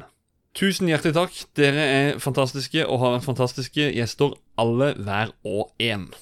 Ja, og uten dem så kunne ikke vært noe spill, så tusen hjertelig takk for innsatsen. Men da tror jeg at vi er ved episodens ende. Og eh, nå er det jo Du pleier alltid å si dette her til meg, Adrian, men nå sier jeg det til deg. Ja. Kan du plugge podkasten? Det kan jeg godt gjøre. Vil du ha noe merch med spillogoen på, så gjerne sjekk ut eh, Spreadshirt-storen vår, og den linken er alltid i episodebeskrivelsen. Og en annen måte du kan støtte spill på, er å tipse venner og bekjente om podkasten. Og gjerne sjekk ut eh, vårt community på både Discord og Spill Community på Facebook. Og til slutt også sjekk ut Spills i Facebook-side, der vi poster nyheter først. Og så vil jeg rette en stor takk til han Joakim eh, Froholt og, og spillhistorie.no for å lage artikler for hver episode. Mm, det settes så sinnssykt stor, stor pris på. Og det er, litt, det er litt gøy, fordi at hver gang han skriver noe om eh, Spesielt om de spilleepisodene. Altså For denne episoden her, for alt jeg vet, så skriver han liksom hva som er hans favoritt. Han, han skriver noe ekstra, så jeg anbefaler alle å gå inn, uansett hvor du hører på podkasten, sjekk spillhistorie.no og artikkelen til episoden. Ja, han skriver alltid noe ekstra moro. For å si det sånn, han eh, får oss til å innse hvor dårlige episodetekstene våre er. Yes! He's a pro. Ja. Og så vil jeg si tusen takk til deg, Ralf. Du er den som har gjester i flest spilleepisoder det her året. Og det var artig å ha deg med også på Goti-episoden, som en hva skal si, prikken over i-en, eller Ja. icing on the cake, eller hva faen jeg sier. Rosin i pølsa. Ja, eller osten i pølsa, som er den nye betegnelsen. Ja. ja, det, er kjempekjekt å få være med på dette. Eh, og og, og fark, hæ, seks episoder, det Ja, men eh, dere klarer jo å Dere klarer jo faktisk å lage et skjema og holde et skjema i spill. I, motsatt, I motsetning til den eh, greia jeg holder på med. Så eh, det, det, det, det er bra jobba. Eh, Og, og jo, forresten, jeg, jeg, siden vi snakker om tid i stad, jeg må bare si det. Jeg har 708 timer i prøvg. Det må også sies da at, at for dere som hører på For dere som hører på, vil dere høre oss tre og to andre nordlendinger Altså det er fire nordlendinger og, og en sørlending som er med i sidelinja, hvor eh, Ralf er kaptein på en gal skute hvor det bare er uh, ja, det, det, det er så mye gale Mathias der inne. Verdt å sjekke ut. Da kan jeg og Håkon hvile litt mer på laurbærene enn vi kan gjøre med spill. Ja. Ja, det Jeg, jeg anstrenger meg ikke voldsomt mye på, på Jo, det, det som jeg har sagt tidligere, det er, de, de, de der, det er noen episoder vi må gjøre litt research på, men eh, ikke noe på langt nær så mye som eh, på spill. For her må man jo vite litt hva man snakker om, og kanskje helst også ha spilt det du snakker om. Jeg skal fakta være på bordet. Så kan jeg også garantere at han Ralf blir nok å være med i flere spilleepisoder eh, til neste år også. Jeg setter pris på det, for at da får, jeg, da får jeg en unnskyldning til å spille et eh, sånt spill som jeg ikke har spilt på lenge. Det, jeg, må, jeg føler i hvert fall at jeg må ha spilt gjennom det før jeg kan prate om det. Det skal jeg begynne med. Skal jeg si det til kona her, at du er nødt til å spille spill. Ja, men du spiller som Ja, men jeg, hallo, spill. Eh, kj- Kjerringa si Jeg skal bare spille Skyrim. Jeg må ha 1000 Spiller du? sa hun til meg, og så jeg bare Nei, research. Ja, Yes, det- ah, deilig, deilig. Men med de fine ord om at det er research til hver episode, så eh, Ja, jeg sier, jeg sier jo ikke bare takk for denne gang, jeg sier jo takk for i år. Godt nyttår, og god jul, og Og vi er jo kjent for å hale ut igjen eh, outroene våre, så jeg må jo er også, på det. Jeg må jo også si at tusen hjertelig takk for du som hører på oss, og, ha, og, og bruker tida di til å høre på spill. Vi setter utrolig stor pris på det, og det er jo en motivasjon for at uh, vi orker å holde på med det her. Ja, det, det er så latterlig gøy at det er finner nok ord. Det er fantastisk. Ja, vi har jo hatt det litt tøft i år, og jeg, jeg tror ikke, hvis det ikke hadde vært for lytterne våre, så hadde det ikke kommet ut så mange episoder som det har gjort. Nei. Nei, det er helt magisk. Det er Det er Ja. Nei, jeg vet ikke hva jeg skal si. Det er digger dere. Digger lytterne. Da får jeg si eh, takk til Ralf, takk til Håkon, og takk til meg. Så ses vi til neste år. Vi gjør det. ha det bra. Ha det! Ha- det! Jeg skal at vinke og sånn her til kamera hele tida. Hmm.